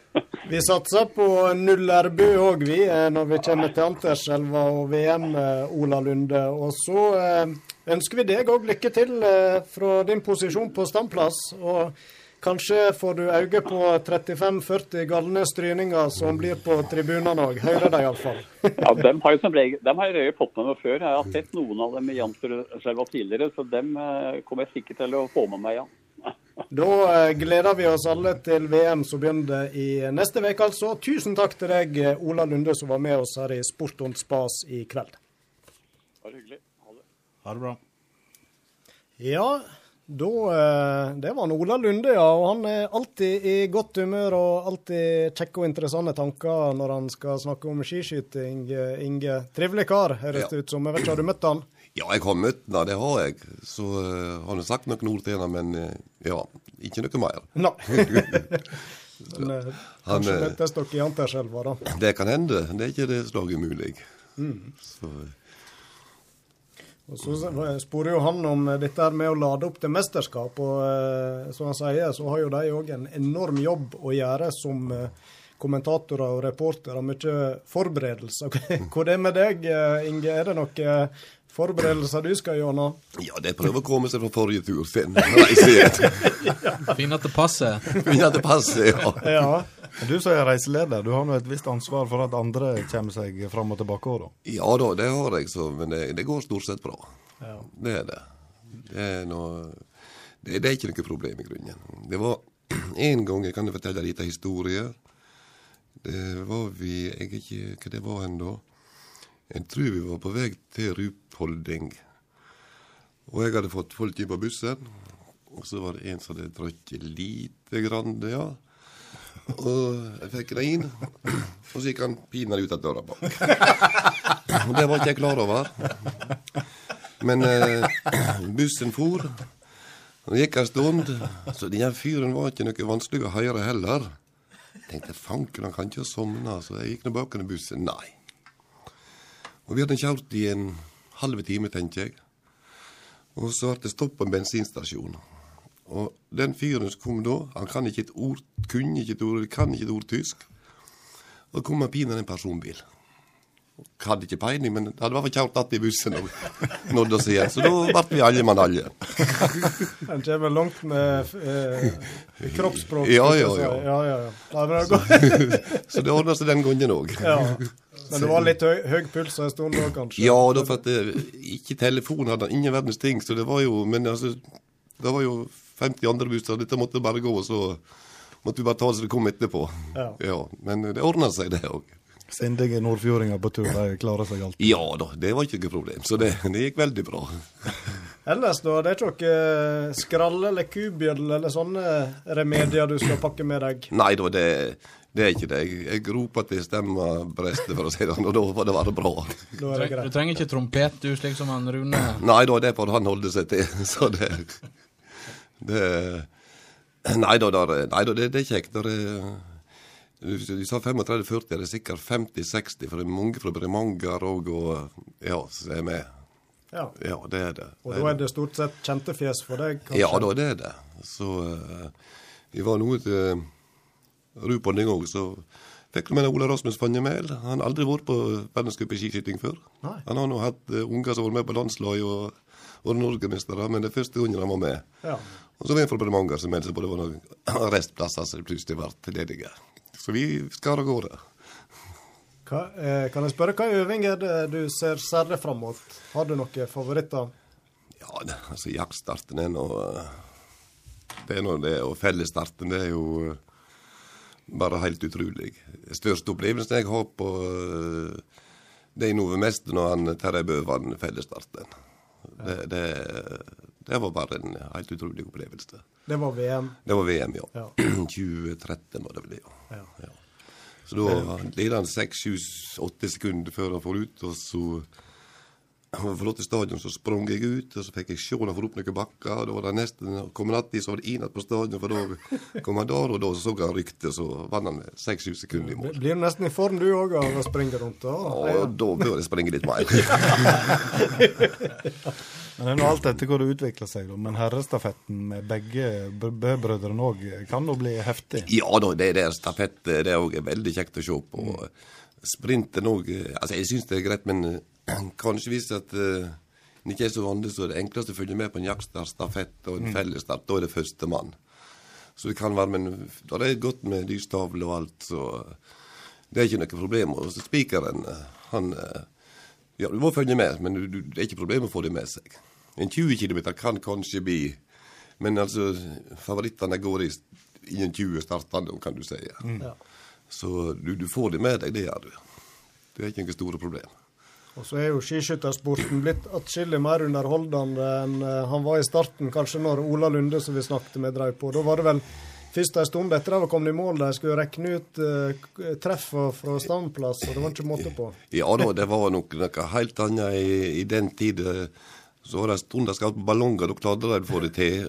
Men så var det skjeve, og, så det kunne gå lenge før det ble eh, resultatene kom offentlig, hva som var, var, var hvem som vant og hvem som kom nummer tre. Ja. Tenk å ha hatt eh, ansvaret, Thomas, for å blåse ballonger på standplass. Det vært tøft.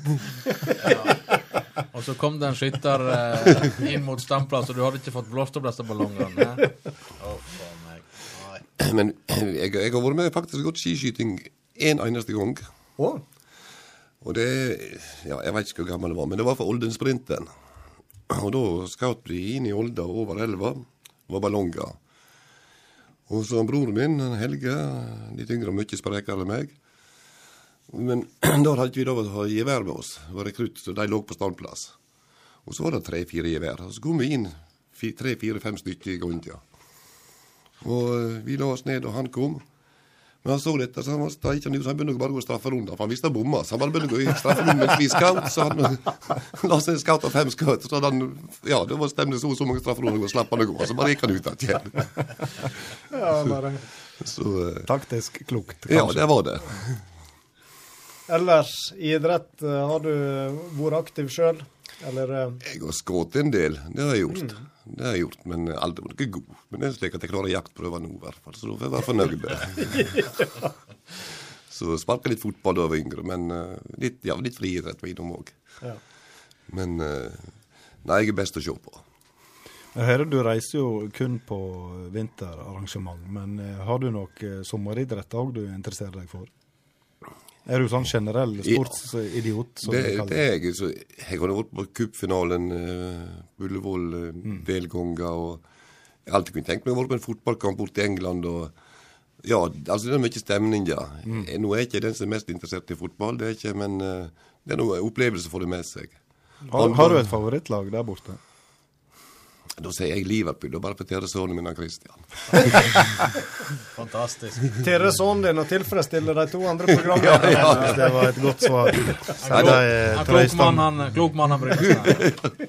Send de trøstende hilsen til han Christian, og så får han bare bite det i seg. Ja, ja, ja.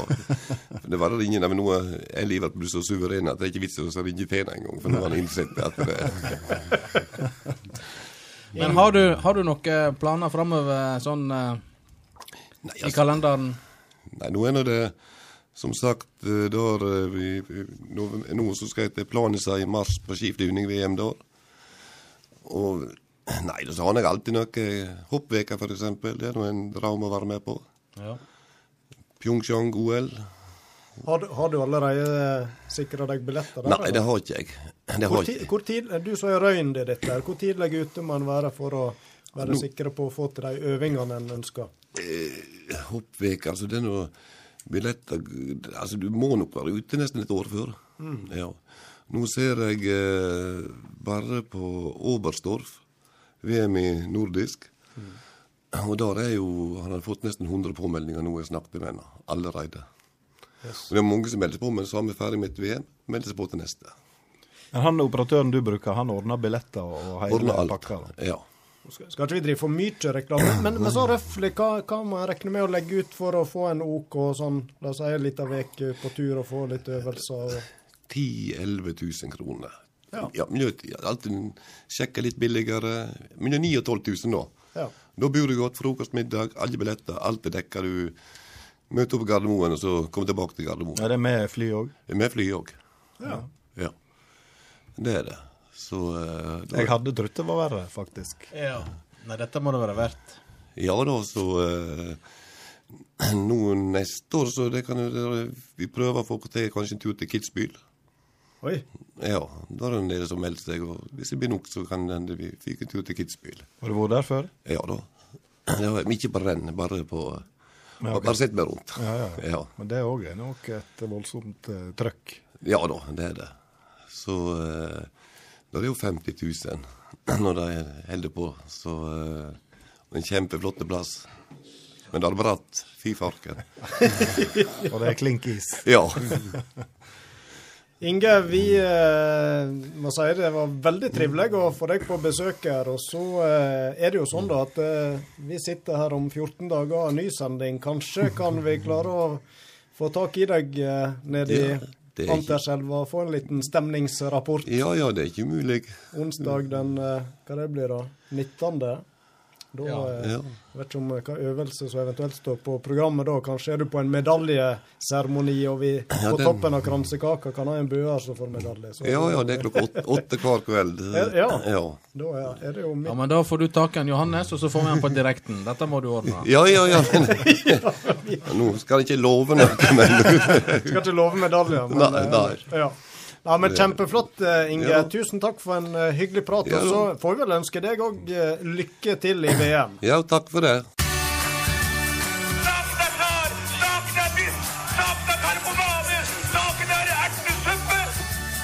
Vi vasser i arkivet. Ja, da er vi omsider tilbake med arkivspalten vår. Og med oss i dag så har vi én av Håndalen sine store sønner, Harald Lødemel. God kveld. God kveld, god kveld. Ja, du var jo eh, det en må virkelig kunne si, et eh, stort talent på fotballbanen. Og allerede som 17-åring var det vel at du debuterte i Tippeligaen for eh, Sogndal. Husker du den dagen? Ja, det, det er jeg. Jeg eh, flytta vel til Sogndal da jeg var 15, nei, 16 år. Og så var jeg litt heldig med at det var en eh, Det var noen muligheter i, eh, i Sogndal akkurat som gjorde at eh, det var ledig plass på midten, midtbanen. Så jeg kom tidlig, tidlig til. Og nå er det jo sånn å være 17 år og få lov å spille på det øverste nivået. Jeg vet ikke, Var det en uh, drøm du tidlig hadde, eller eh, ble det, litt- det litt sånn, eller hvordan husker du det? Nei, men altså, det var vel sånn at eh, jeg hadde en drøm om å, om å komme så langt som mulig på fotballbanen. Det hadde jeg nok helt fra jeg var ganske så liten hjemme i Håndalen. Og så når jeg da Jeg var innom yngre landslag fra 15-årsalderen, og da ble jeg eh, henta til Sogndal egentlig når jeg var 16. da. Og da eh, da var jo, det, var jo det å satse på fotballen som var det store. Det var ingen tvil om. Det begynte jo inne i Håndalen, selvsagt, Harald. og eh, Vi spurte jo han eh, Harald Vartdal om han hadde noe fun fact om deg. Og han sa jo at du ble spillende trener som 13-åring på småguttelaget. Ja, ja det, det stemmer nok det, altså. Det Kan- var, Kan du fortelle litt om det? ja, vi, vi sleit med å, å, å få trenere på, på, det, på faktisk småguttelaget. Ja. Så eh, da var det vel en periode der eh, jeg, jeg var trener og mor mi var oppmann. og jeg hadde vel noen eldre søstre som var nesten sjåfører til kamper, så det var, det var litt spesielt, ja. Men det var, det var nok ikke de helt store treningene jeg redde. Altså, det var nok mye firkant og, og spill det gikk i. Men det var, det var litt ungt, ja. Det var det. Hadde du respekt i spillergruppa? Å, nei, det tror jeg, ikke jeg hadde, altså. Jeg husker, òg det at jeg måtte da, eh, Jeg hadde et par kamerater der, så jeg, måtte, eh, jeg måtte dra dem med meg og hjelpe meg med laguttak. For jeg syntes det var litt vanskelig å, å plukke, plukke ut en elver sjøl, altså. Følte, var- følte du at du hadde mista garderoben der? Ja, jeg følte jeg mista garderoben litt av og til der. Og, altså. Nei da, alle fikk nok spille, men eh, det var nok litt, eh, var litt for ungt å være trener, ja. Det var det. Men det var noe imponerende likevel, da, hvis det var det som skulle til for, å- for å holde det gående. Ja, altså vi, vi var ikke mange heller. Og eh, det var jo på det nivået at vi av og til sleit med å få nok eh, spillere til kamp. For eh, det var vel enkelte som prioriterte å spille her, når det var kamp av og til. altså. Det var, på, det var sånn det var. Men Harald, kan du fortelle litt hvordan denne fotballinteressen oppsto, og hvor tidlig var du begynte å leke deg med, med ballen? Ja, altså, hvor tidlig vi leika oss med her eh, andre guttene som var litt, litt eldre enn meg i eh, nabolaget. Og så spilte vi, og etter hvert så begynte vi å, begynte vi å, å, å spille noen sånne turneringer. Vi hadde sånne grendelagsturneringer, egentlig.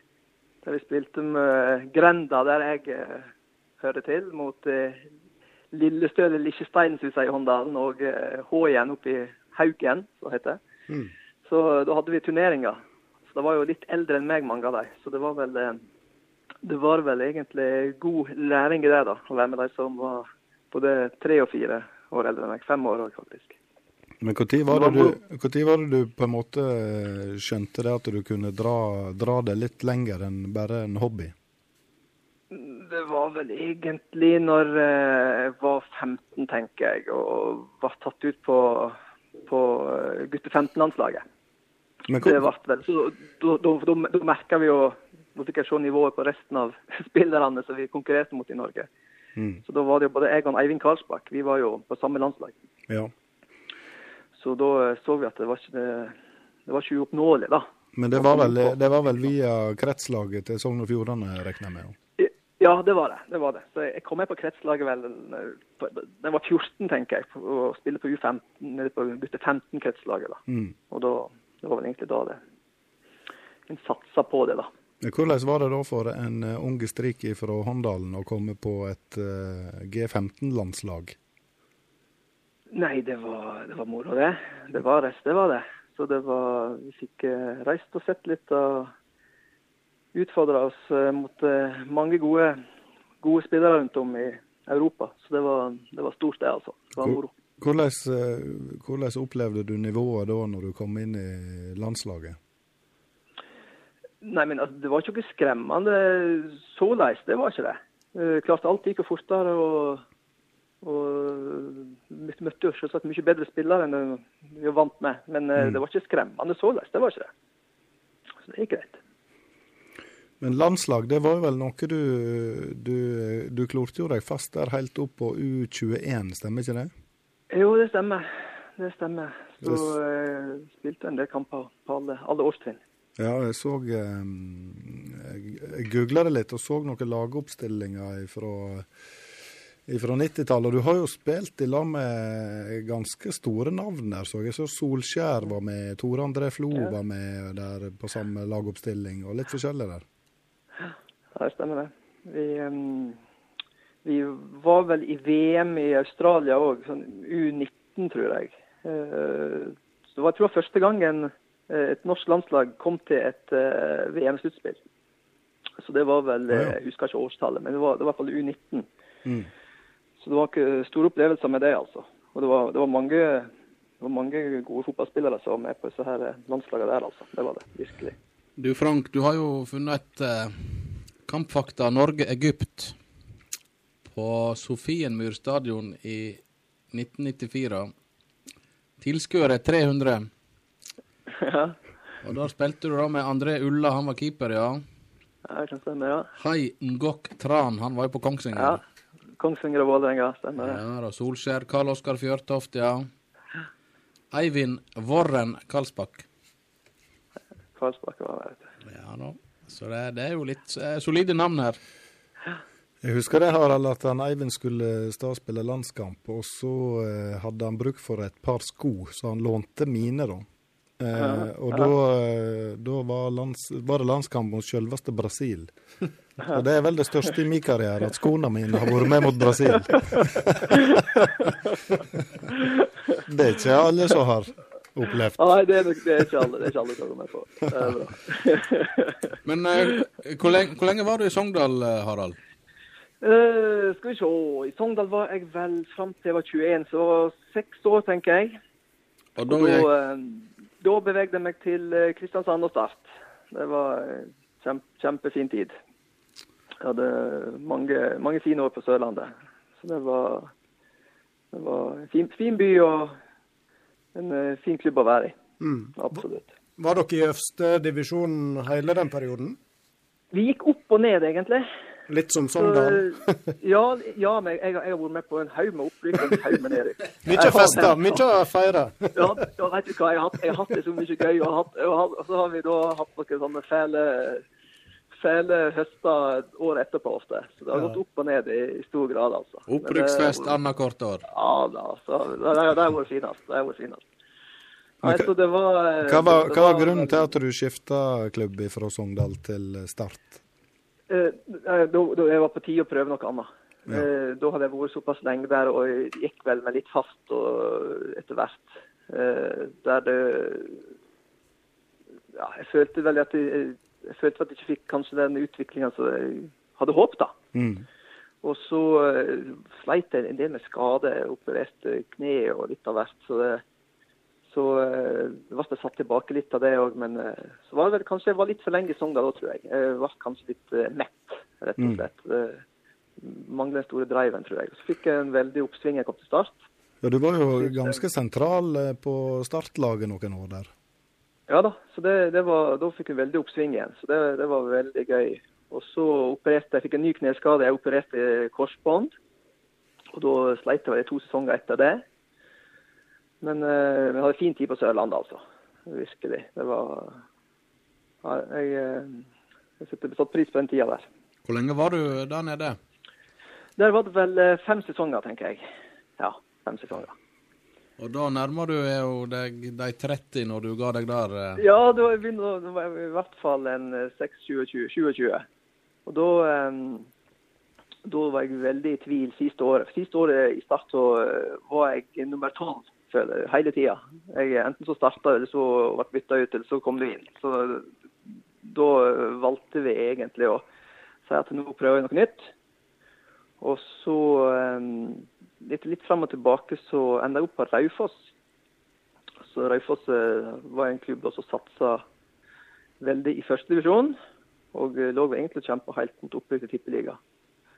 Og eh, da fikk vi egentlig en oppsving igjen de første par-tre åra. Og så eh, ble det egentlig bare værende.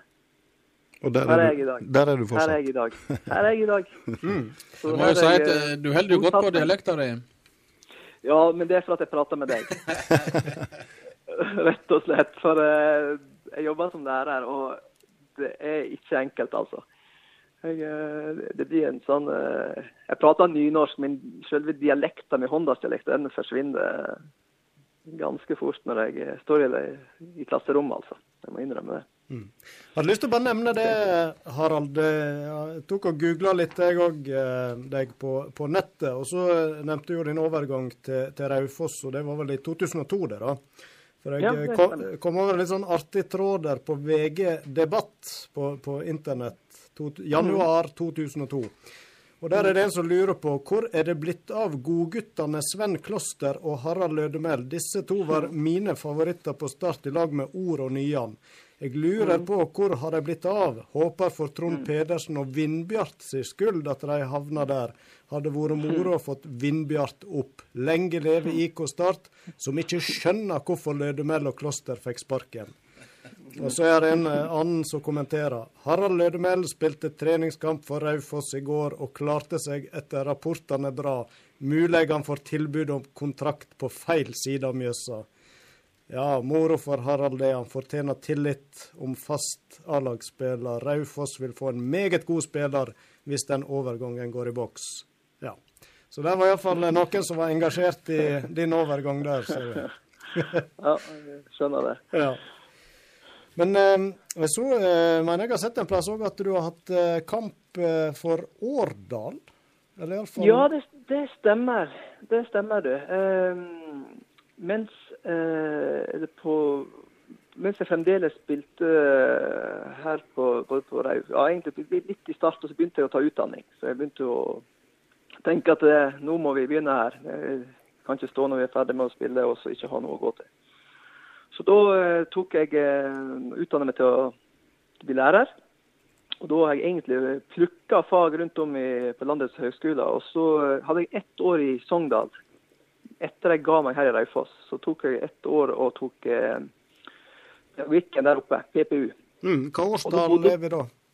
Å, 2008 eller noe sånt, tenker jeg. 2008, ja, det stemmer. Og da, da spilte jeg ett år i Årdal. For uh, min daværende frue hun uh, var fra Årdal. Så bodde vi i Årdal, og så spilte jeg uh, da en sesong for uh, Jåtun. Ja.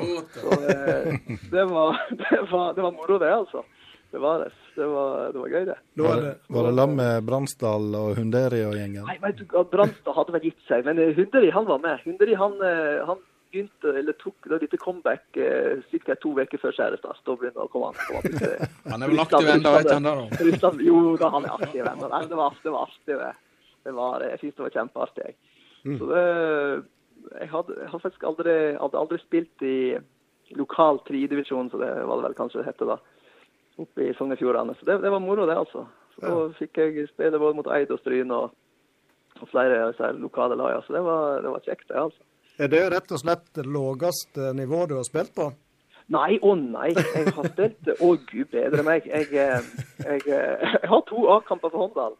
Å ja. Eh, Så ja da, jeg debuterte da jeg var 15 eh, mot Breim. Breim var det. Faktisk. Ja da. ja da, så Jeg var på Byrkjelo stadion og, spilte Breim mot Håndal. Vi vant 8 eller 9-0. Så det, det, husker jeg, husker jeg veldig godt. Og så eh, spilte jeg en heimekamp til òg, mot Vikane. Og Vikane hadde, hadde lag. Ja, nå har jo Vikane eh, meldt seg på at eh, i sjette Ja, divisjon. det er bra. Det er bra. Det er helt strålende. Men har du jeg, bodde bare ett år her, eller i Årdal, da. Eh, Så flyttet vi bort, bort igjen hit og bosatte oss her, da. Og da, da har jeg spilt spilt et par-tre sesonger på Raufoss 3, bare for å la med kompiser. Bare for å ha aktiviteten, da. ja, Da er dere òg i, i Og er seriesystemet, da? da, da, da, da kommer ikke vi lavere. Jeg, eh, det, det, er ikke, det er ikke mulig å komme lavere. Men eh, det er helt, det er helt nydelig, skjønner du. Nå er jeg litt med, da. Men det var helt nydelig for at alle er tidligere fotballspillere altså, som har spilt på noenlunde nivå. Men at det går litt treigere for hver sesong. Så vi føler, vi føler oss ikke bra ut. Så det, vi føler dette her, dette her er bra, altså. Men eh, klart det at jeg, jeg noen videoklipp, det ser ikke bra ut lenger. Må aldri filme sånt. Nei, nei, nei, nei, nei. det er slow motion, vet du. Det er så tru, vet du. Så du har trappa ned da i, svært, svært lave, svært lave divisjoner? Ja, nei, nå, nå, nå spiller jeg ikke i det hele tatt. Det, jeg, har ikke, jeg har ikke kropp til det lenger, for å være helt ærlig. Jeg har ikke kne til det. Jeg, Men, men har du noe eh, engasjement innen fotball eh, i dag? ja, jeg har det. Jeg, eh, jeg har hatt egentlig Siden jeg flytta bort hit igjen i 2009, så har jeg vært involvert eh, i Raufoss fotball. da, På ulike, ulike lag og ulike roller. da, Både som spiller, utvikler og, og hatt ansvar for eh, enkelte lag eh, helt ifra gutte seks og opp til, til A-laget, egentlig. Og, Så det eh, har, jeg, nå i år så har jeg eh, gutte 15. Jeg har en sønn som spiller, og så har jeg da valgt å Så har jeg tre barn, så nå, nå må jeg prøve å henge rundt mine egne barn litt, for at det, strekker ikke til hvis jeg skal ha andre lag. Nei. Eh, Hvordan er det Raufoss befinner seg i divisjonssystemet nå? De er i Adecco, så det er uh, havna midt på tabellen i fjor. 7.-8.-plass i Adecco-ligaen. Så eh, Eller Obos, som det lå heter. vel på Ja, ja Obos heter det, vet du. Det het Adecco tidligere, helt riktig. Så, eh, så eh, det overrasker vel egentlig i fjor.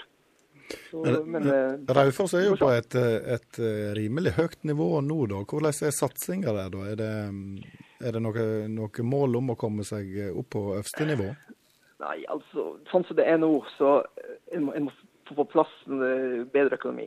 Det, det, det er ikke sterk nok økonomi til å kunne få en spillerstall som er sterk nok til å gå opp. Eh, Per nå så har jeg nok med å prøve å stabilisere seg i, i Obos-ligaen, altså. Det har en. Og så får en eventuelt eh, ta det seinere. Men eh, jeg tror det kan bli et tøft år i år òg. Jeg tror det. Så eh, hvis en klarer å komme seg gjennom det året, sesongen her, så tror jeg en skal være fornøyd med det. Med å klare å holde seg. Ja, riktig. Harald, bare litt tilbake til din eh, karriere. Du sa jo sjøl at du var en ambisiøs spiller som hadde mål om å nå lengst mulig, og du fikk eh, etter hvert mange kamper på aldersbestemt eh, lag. Men er du litt skuffa over at du aldri klarte å nå opp på A-laget, landslaget? Nei, ikke, ikke skuffa. Jeg, jeg er ikke det, altså. Jeg, jeg opplevde mye, mye jeg, altså. Så jeg var med helt fram til U21. Og eh, har, spilt mye kamper både i tippeliga og førstedivisjon opp gjennom åra, så jeg er ikke skuffa over det. Men klart det, når jeg ser at jeg, jeg ser at eh, spillere som jeg spilte på lag med, som har fått eh, store, store interessante karrierer, så klart at det at du, du tenker jo litt, men uh, sånn ble det ikke det. Og det, det er helt greit. Men følte du sjøl at du var, var nærme noe enda større på et tidspunkt? På et tidspunkt, kanskje rundt 17-årsalderen, så følte jeg nok kanskje det. Da spilte jeg vel på U21-landslaget da jeg var 17. Mm. Så da var jo veldig mye eldre enn meg. og da, akkurat da så, så tenkte jeg at eh, dette her kan gå, gå veldig bra. Men så klart, eh, kanskje jeg ikke greide å ha beina nok på jorda òg. Det kan godt hende. Var det andre klubber enn Sogndal som var inne i bildet på den tiden? Altså, jeg, det er vel mer på, på ryktenivå, men eh, ikke noe, ikke noe tilbud på, på 17-års Eller når jeg var i Sogndal sist, jeg vet om. Jeg var, jeg, var, jeg var trent med Tottenham en periode. Det var jeg faktisk. Så det Det ble jo aldri noe av det, da. Det må ha vært en eh, opplevelse, det òg, da. Ja da, det var, det var moro, det. Så Da var det jeg og en fra Tromsø som var over og, og trente med det ei uke. Hva, Det var litt spesielt. Vi, vi, kom, vi kom på søndagen, og så på mandagen så fikk manageren sparken. Så det var jo litt spesielt. Det er jo litt stongel. Dårlig stemning. Var, var du i Sogndal eh, når de spilte mot Tottenham i en treningskamp, eller var det før du kom, kanskje? eh, det var før jeg kom. Det var Ja. før jeg kom. Ja. Det var det. Nei, Adiles fikk sparken på mandagen. Jeg kom, jeg, vi kom på søndagen, jeg og som Thomas Hastad. Og så mandag mandagsmorgen fikk han sparken. Så det var en litt spesiell uke. Ja, det var det vel, da. Jeg husker da Tottenham spilte mot Sogndal, det var det en lokal helt som eh, viste finger til Gessa, og så sa han 'fuck you'. Og så, Det som skjedde da, var at Gessa viste finger tilbake, og så sa han 'fuck you too'. så han var jo en eh, fargeklatt. Ja, det var det. Men du sier at du, du kanskje jobber ikke du hardt nok. eh, Tok du litt for lett på det en periode? når det, det du Ja, men det, det, det, ja, sånn i ettertid så kan det godt hende jeg gjorde det, når jeg ser på det tilbake. Det kan godt hende. Så det, jeg kom veldig, veldig kjapt til det, da. Mm. Eh, Inn og spilte fast når jeg var 17 eh, i Tippeligaen. Og da eh, kan hende da at jeg ikke ja, jobber hardt nok i det daglige. Eh, Meget mulig. Du hadde vel et par uh, alvorlige kneskader òg som satt Ja, jeg, tilbake? ja altså, jo da, det, det hadde jeg, og det er ikke tvil om. Men det, det kan godt hende jeg kunne ha klart å unngått, eller i hvert fall med, bedre styr med mer styrketrening, f.eks. Mm. Så eh, kan godt det godt hende at det ikke ble, eh, ble nok eh, prioritert det landet sjøl, da. Må jo spørre deg eh, om et eh, høydepunkt ifra disse, disse åra. Du har jo vært innom eh, kanskje litt av dem allerede, men er det noe som utmerker seg i løpet av karrieren? Altså Det morsomste, uten tvil, det var et opprykk vi hadde i 2000, tenker jeg. Akkurat, ja, år 2000. Det var Start som rykte opp på, via kvalik med, mot Strømsgodset. Ja. Det var meget ufortjent. det kan jeg trygt si. Så vi, men vi, vi hadde Espen Johnsen, tidligere landslagskeeper og Rosenborg-keeper. Han sto sin gud, og det gjorde han virkelig òg. Altså. Det er ingen overdrivelse. Så vi hadde, vi hadde ikke målsjanse. Vi hadde faktisk ikke en eneste målsjanse før i det 92. eller 91. minutt. Og så kom det kontring, og så skåra vi og vant 1-0. Mm. Så hadde vi vel uavgjort i første kamp. Så det, det, var, det var nesten uvirkelig. For vi, vi, var, vi var altså så, så mye dårligere enn Strømsgodset den kampen her at det, det skulle ikke være mulig. Da smakte vel festen desto bedre, sikkert. Det skal jeg love deg han gjorde. Det kan, kan jeg garantere. Nei, det var, det var, det var moro. Når vil du si du var på ditt høgdedrag i karrieren, da? Var det rundt ei tid, eller? Ja, altså sånn hvis jeg tenker på høyest nivå, så var det vel eh, ja, men Jeg har ofte vært sånn at når jeg har skifta klubb, så har jeg hatt en veldig eh, oppsving med en gang. Ja. Så det med miljøskifte har, har fungert for meg. Så det kan godt hende jeg skifter skifte litt. Skifter hvert år. Nei, men, ja, men da har du alt å bevise, og da, da gir Ja. du alt. Da trener du som en gal, og du skal vise deg fram. ikke sant? Og da, det, det har vært, vært gunstig for meg, i hvert fall. Ja, så Både når jeg kom, jeg kom til Sogndal, jeg kom til Start og jeg kom til Raufoss, og så det vært voldsom oppsving. Og så, og så blir jeg litt da mett og fornøyd, sannsynligvis. Mm. Litt uh, forslappa meg der. Det har vært. God under press, det er jo en god egenskap. Ja, men det har, det har vært mange nedturer òg, da. Både med skade og, og eh, en del nedrykk som har vært tunge å svelge.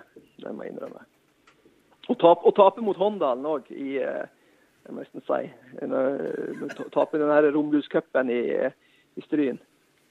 den, jul, den juleturneringa som har vært opp gjennom åra. Ja. Så spilte vi altså med et lag med Jostein og Håvard fra alle disse nordfjordingene som, bodde, eller som spilte i Sogndal. Håvard og Jarle og Tor André og jeg og jeg tror Helge Øvreberg og Jeg husker ikke hva det var, for jeg var Karlsbakk var med òg, jeg, altså. Og så spilte vi mot Håndalen i finalen og tapte 3-1. Det, Hvem var det som spilte på Håndalen da? Har du noen navn du husker? ja, det har jeg faktisk. Jeg mener Joar Velvene skåra, altså. Joar Velvene var jo en notorisk målskårer. Notorisk målskårer. Jeg mener han skåra. Så, så ordføreren, Stig Olav, tidligere ordfører, Stig Olav eh, skåra i hvert fall. Det er vel slekta, det òg, det. Er slekt, søskenbarn med meg, det. Ja. det, er det. Så det, det, har- det har brent seg fast. Det, Karrierens største nedtur, det var, nå. Rune, Rune Haug, Rune Haugen og Morten Taraldseth var i hvert fall med. Ja, ja, men det var et Jeg- eh, godt, husker godt Ja håndballslag, dette ja ja da, ja da. Men på papiret så sto nok Sogndal litt sterkere, altså, for å si det sånn. Med, Flo, Flo i klanen der. Ja, har jo en eh, par hundre landskamper sånn, sånn under beltet der. Sånn var, sånn var det. Du har ikke, har ikke reist til Lærdal, du, på den turneringa? Nei, jeg, jeg har hatt tilbudet. Vi har, det er en gjeng som reiser herifra. Men eh, det, det er ikke forsvarlig å sende meg ut på ei bane lenger. Det er ikke det, altså. Du kan reise til Lærdal og være trener eller Ja, oppmann òg. ja. Jeg vet ikke det er forsvarlig, det heller. Forsvar, forsvarlig for deg eller for andre, du tenker? Ja, det, ja, det er vel mest for meg. Ja. Ja. Nei, men Nei, sånn som nå så har jeg ikke kne til å egentlig Jeg har nok med bare å sentre til innsidepasninger. Og så er det jo eh, ei flott oppgave å følge opp eh, de tre håpefulle òg fra sidelinja. Det skal jo ikke en undervurdere. det er gøy, det. Det er kjempegøy, det. Det var, Virkelig. det var iallfall veldig kjekt å ha deg med, Harald, og mimre litt om disse glansdagene. Og det er jo ikke tvil om at du, du husker godt. Det er ikke så lenge siden heller, da. Men eh, Ja, det begynner, det å bli noen år siden. da eh, sier vi tusen takk for praten her fra Sportont eh, Spas, og ønsker deg en god kveld videre. Takk det samme. Ha det bra. Ha det bra. Sitat, ord og uttrykk fra sportens verden som du nå får servert, enten du vil eller ei, ved Frank Hol. Yes, da er dagens ord episk. Episk. Episk. Thomas? Var det det det landa på? Jeg var forberedt på et annet ord enn nå, skjønner du. Ja, her er det aldri godt å vite hva som kommer opp av hatten. Ja, ja. Episk, ja. Nei, hva skal vi si om det, Roy Aron? Det er jo du som er Hva legger dere i det? Nei, det er nå noe Noe storslått. stort, ja. Ja. Svært. Episk eh, hending. Noe som skiller seg ut i Var Maradona sitt mål i 86 episk? Ja, det vil jeg eh, påstå at det var, i den betydninga. Ja. Men eh, opprinnelig så eh, kommer episk av eh, epos. Altså epos eller episk dikting. Bokbåten Fra- Epos, har du hørt om den? Ja, det men jeg husker, ja. Bokbåt. Eh, Dette her kommer da ifra, ifra gresk og betyr egentlig ordfortelling eller dikt. Så i den, eh, altså den måten vi forstår ordet nå, sånn som dere snakker om, så er jo det egentlig helt skivebom. Men dette her er vel eh, et eh, eksempel på at språket utvikler seg. På engelsk da, så kan jo epic bety storslått, berømmelig og noe det går fråsagn om. Og det er, jo, det er jo det vi legger i det. Fråsagn, har ikke du hørt om? Ja, ja, stadig i bruk. Ja. Mm. Nei, altså, på motsegn. det er klart, her kan det dukke opp ord, som til og med du ikke forstår, Roy Aron. Så det, Å men, det ja, nei, det tror ikke jeg vi skal bekymre oss for. At det er. men på norsk hadde ikke episk den betydninga. Så på mange måter kan vi si at det kommer ifra engelsk. Um, som sagt er episk avledet av det greske ordet epos, som betyr verk eller fortelling eller dikt, som vi var inne på i stad. Eh, følgelig har det eh, betydninga eh, fortellende, lyrisk eller dramatisk. Men noen, spesielt eh, journalister, da, har eh, forkjærlighet for å bruke ordet i den betydninga som vi kjenner den, da, eh, legendarisk eller storslagent eller noe i den retning. Det vi kan konkludere med, det er at episk hadde ikke den betydninga på norsk for kun få år siden, men hvis du slår opp i ei synonymordbok nå, så vil du se, eh, se disse her eh, storslagne synonymene. Så eh, episk er et ord vi må ønske velkomne i det norske språk, med ny betydning. Kanskje vi må bruke det mer i uh, fjordingen, Roy. Så om dette her blir ei episk sending, det gjenstår jo eh, virkelig å se. Jeg har ikke helt den magefølelsen, men eh, jeg tror den er grei. iallfall. Etter denne her eh, ord- og uttrykksspalten så hadde ikke jeg heller den magefølelsen. Hadde den før vi begynte? Det. Ja, hadde det i stad. Nei, episk. Jeg tror kanskje jeg har til gode å bruke det i artiklene. I Ja, dere som er journalister, dere, dere kan jo bare gønne på med det ordet. Da. Ja, da blir det Har dere, har dere noe mer i, i bagasjen å komme med? Takk for innspill, eh, Frank. Bare hyggelig. Kjempemessig. Da eh, er vi vel inne i landinga her omtrent, og da gjenstår én post på programmet, Thomas.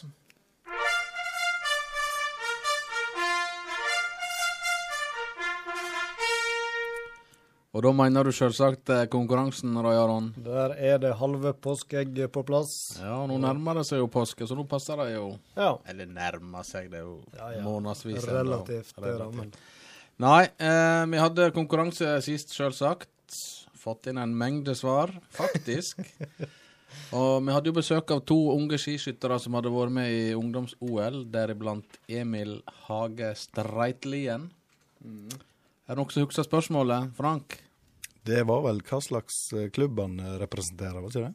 Riktig. Og da, Roy han svaret Det er Fossum IF. Det er feil. Det er det ikke. Kan jeg få Nei, nei, beklager. Nei, Nei, nei, nei, nå har du brukt opp. Ja, Nei, nei, nei, nei. nei. Jeg Det er svar- nett som dette laget du heier på. Nesten ubrukelig. For tiden. Nei, jeg da. Jeg svarer Folldal. Folldal. IF. Folldal Foss. Kjekt, kjekt å Jeg, vinne jeg, var- jeg var så fokusert på at jeg skulle få IF riktig, for det husker jeg jeg sa feil når jeg skulle presentere no- idrettslaget sist. Du hadde Ja. F-en rett. Nei, det var Folldal IF. Men det er vel kanskje noen andre som har fått det riktig? Det er det. Nå skal vi trekke. Og hvem det er nå? Jeg tror det var jeg som trekte sist, så nå jeg tar jeg meg, helt trygge på at nå tar jeg meg en bamsemums, og Ja. så lar jeg han Roy Aron trekke. Ja, Hvis ikke vi skal la han Ove trekke. Jo, jo, det får han Ove, det. ja, Ove, Ove, kom her. Du godt er, forslag. nå må vi få det fram i lyset her. Off, off, off. Nå trekker du. Oi, oi, oi, det var mange. Og da må du, Roy, trekke neste gang. Jo, her. Hva står der, da? Da er det den der doktorskrifta til han der Taulien. Yes. Morten Breidablikk. Ja. Ja. Morten Breidablikk er Det kveldens vinner. tror jeg er et nytt navn igjen, og de er ekstra glad når vi får nye navn på lappene. Kjempemessig. Morten Breidablikk. Er det en stryning? Det er nå iallfall en del Breidablikk her. Ja, sannsynligvis. Send oss i alle fall ei melding, eh, Morten, om eh, storleik på T-skjorta, så skal vi fikse det. Mm. Og adressa di. Yes. Da er det en ny eh, konkurranse på vei, sikkert. Det er det, veit du. Og vi hadde besøk av uh, Oldens ja, en av de store sønnene. Og der er mange. Der er mange. Vi kan ikke gå inn på alle her. Nei, Inge Brynestad, han uh, har jo et brennende engasjement for idretten, vinteridrett spesielt. Og han har vært på flere mesterskap, og han snakker om et OL han var på. Ja, Var ikke sånn han bestilte billetter omtrent to dager før, og så var han Ja. der? Det var en kort prosess. Så Reiste han jorda rundt omtrent. Eh, hvor var dette OL-et han eh, var på? Det er dagens spørsmål. Og da skal du ha byen og ikke årstallet. Nei, vi kan ta byen. Byen Vi heller. tar byen. Byen, byen heller. Ja. Og da er det å sende til eh, oss via Facebook, er det vi foretrekker. ja. Det Og. Messenger. Yes. Og det Ja. Da er det 14 dager å nytte seg av Og tenke på. Ja. og tenke på, ja. Så da er det bare å hive seg på. Og da har vi nye T-skjorter klare. Sesongens farge, litt forsinka, men den er på plass til neste sending. Og eh, da er vi kommet til den eh, Hva vi sa da? 18., nei 19. februar, og da er vi midt i skiskytter-VM, så da satser vi på en liten rapport fra Inge Brynestad. Og kanskje har vi noen bøer som har gått til topps på eh, pallen, som vi kan feire òg. Og ellers så eh, skal vi hoste opp noen spennende gjester. Da gjenstår det å takke for oss eh, her i studio for at dere var med. Aller først så må vi takke gjestene våre. da. Inge Brynestad som nevnt. Så hadde vi med han Ola Lunde, Harald Lødemel og òg eh, en annen Harald, Harald Vartdal, som eh, var med oss i starten av sendinga. Tusen takk for deres bidrag. Da sier vi takk for oss her i studio. Teknisk sjef bak spakene, Ove André Årskog. På min venstre side Frank Hol. På min høyre side Thomas Taule. Og midt blant oss selveste programlederen. Roar Bremik. Da ønsker vi alle en fantastisk kveld videre. Tusen takk for oss. Ai, ai, ai. ai, ai, ei.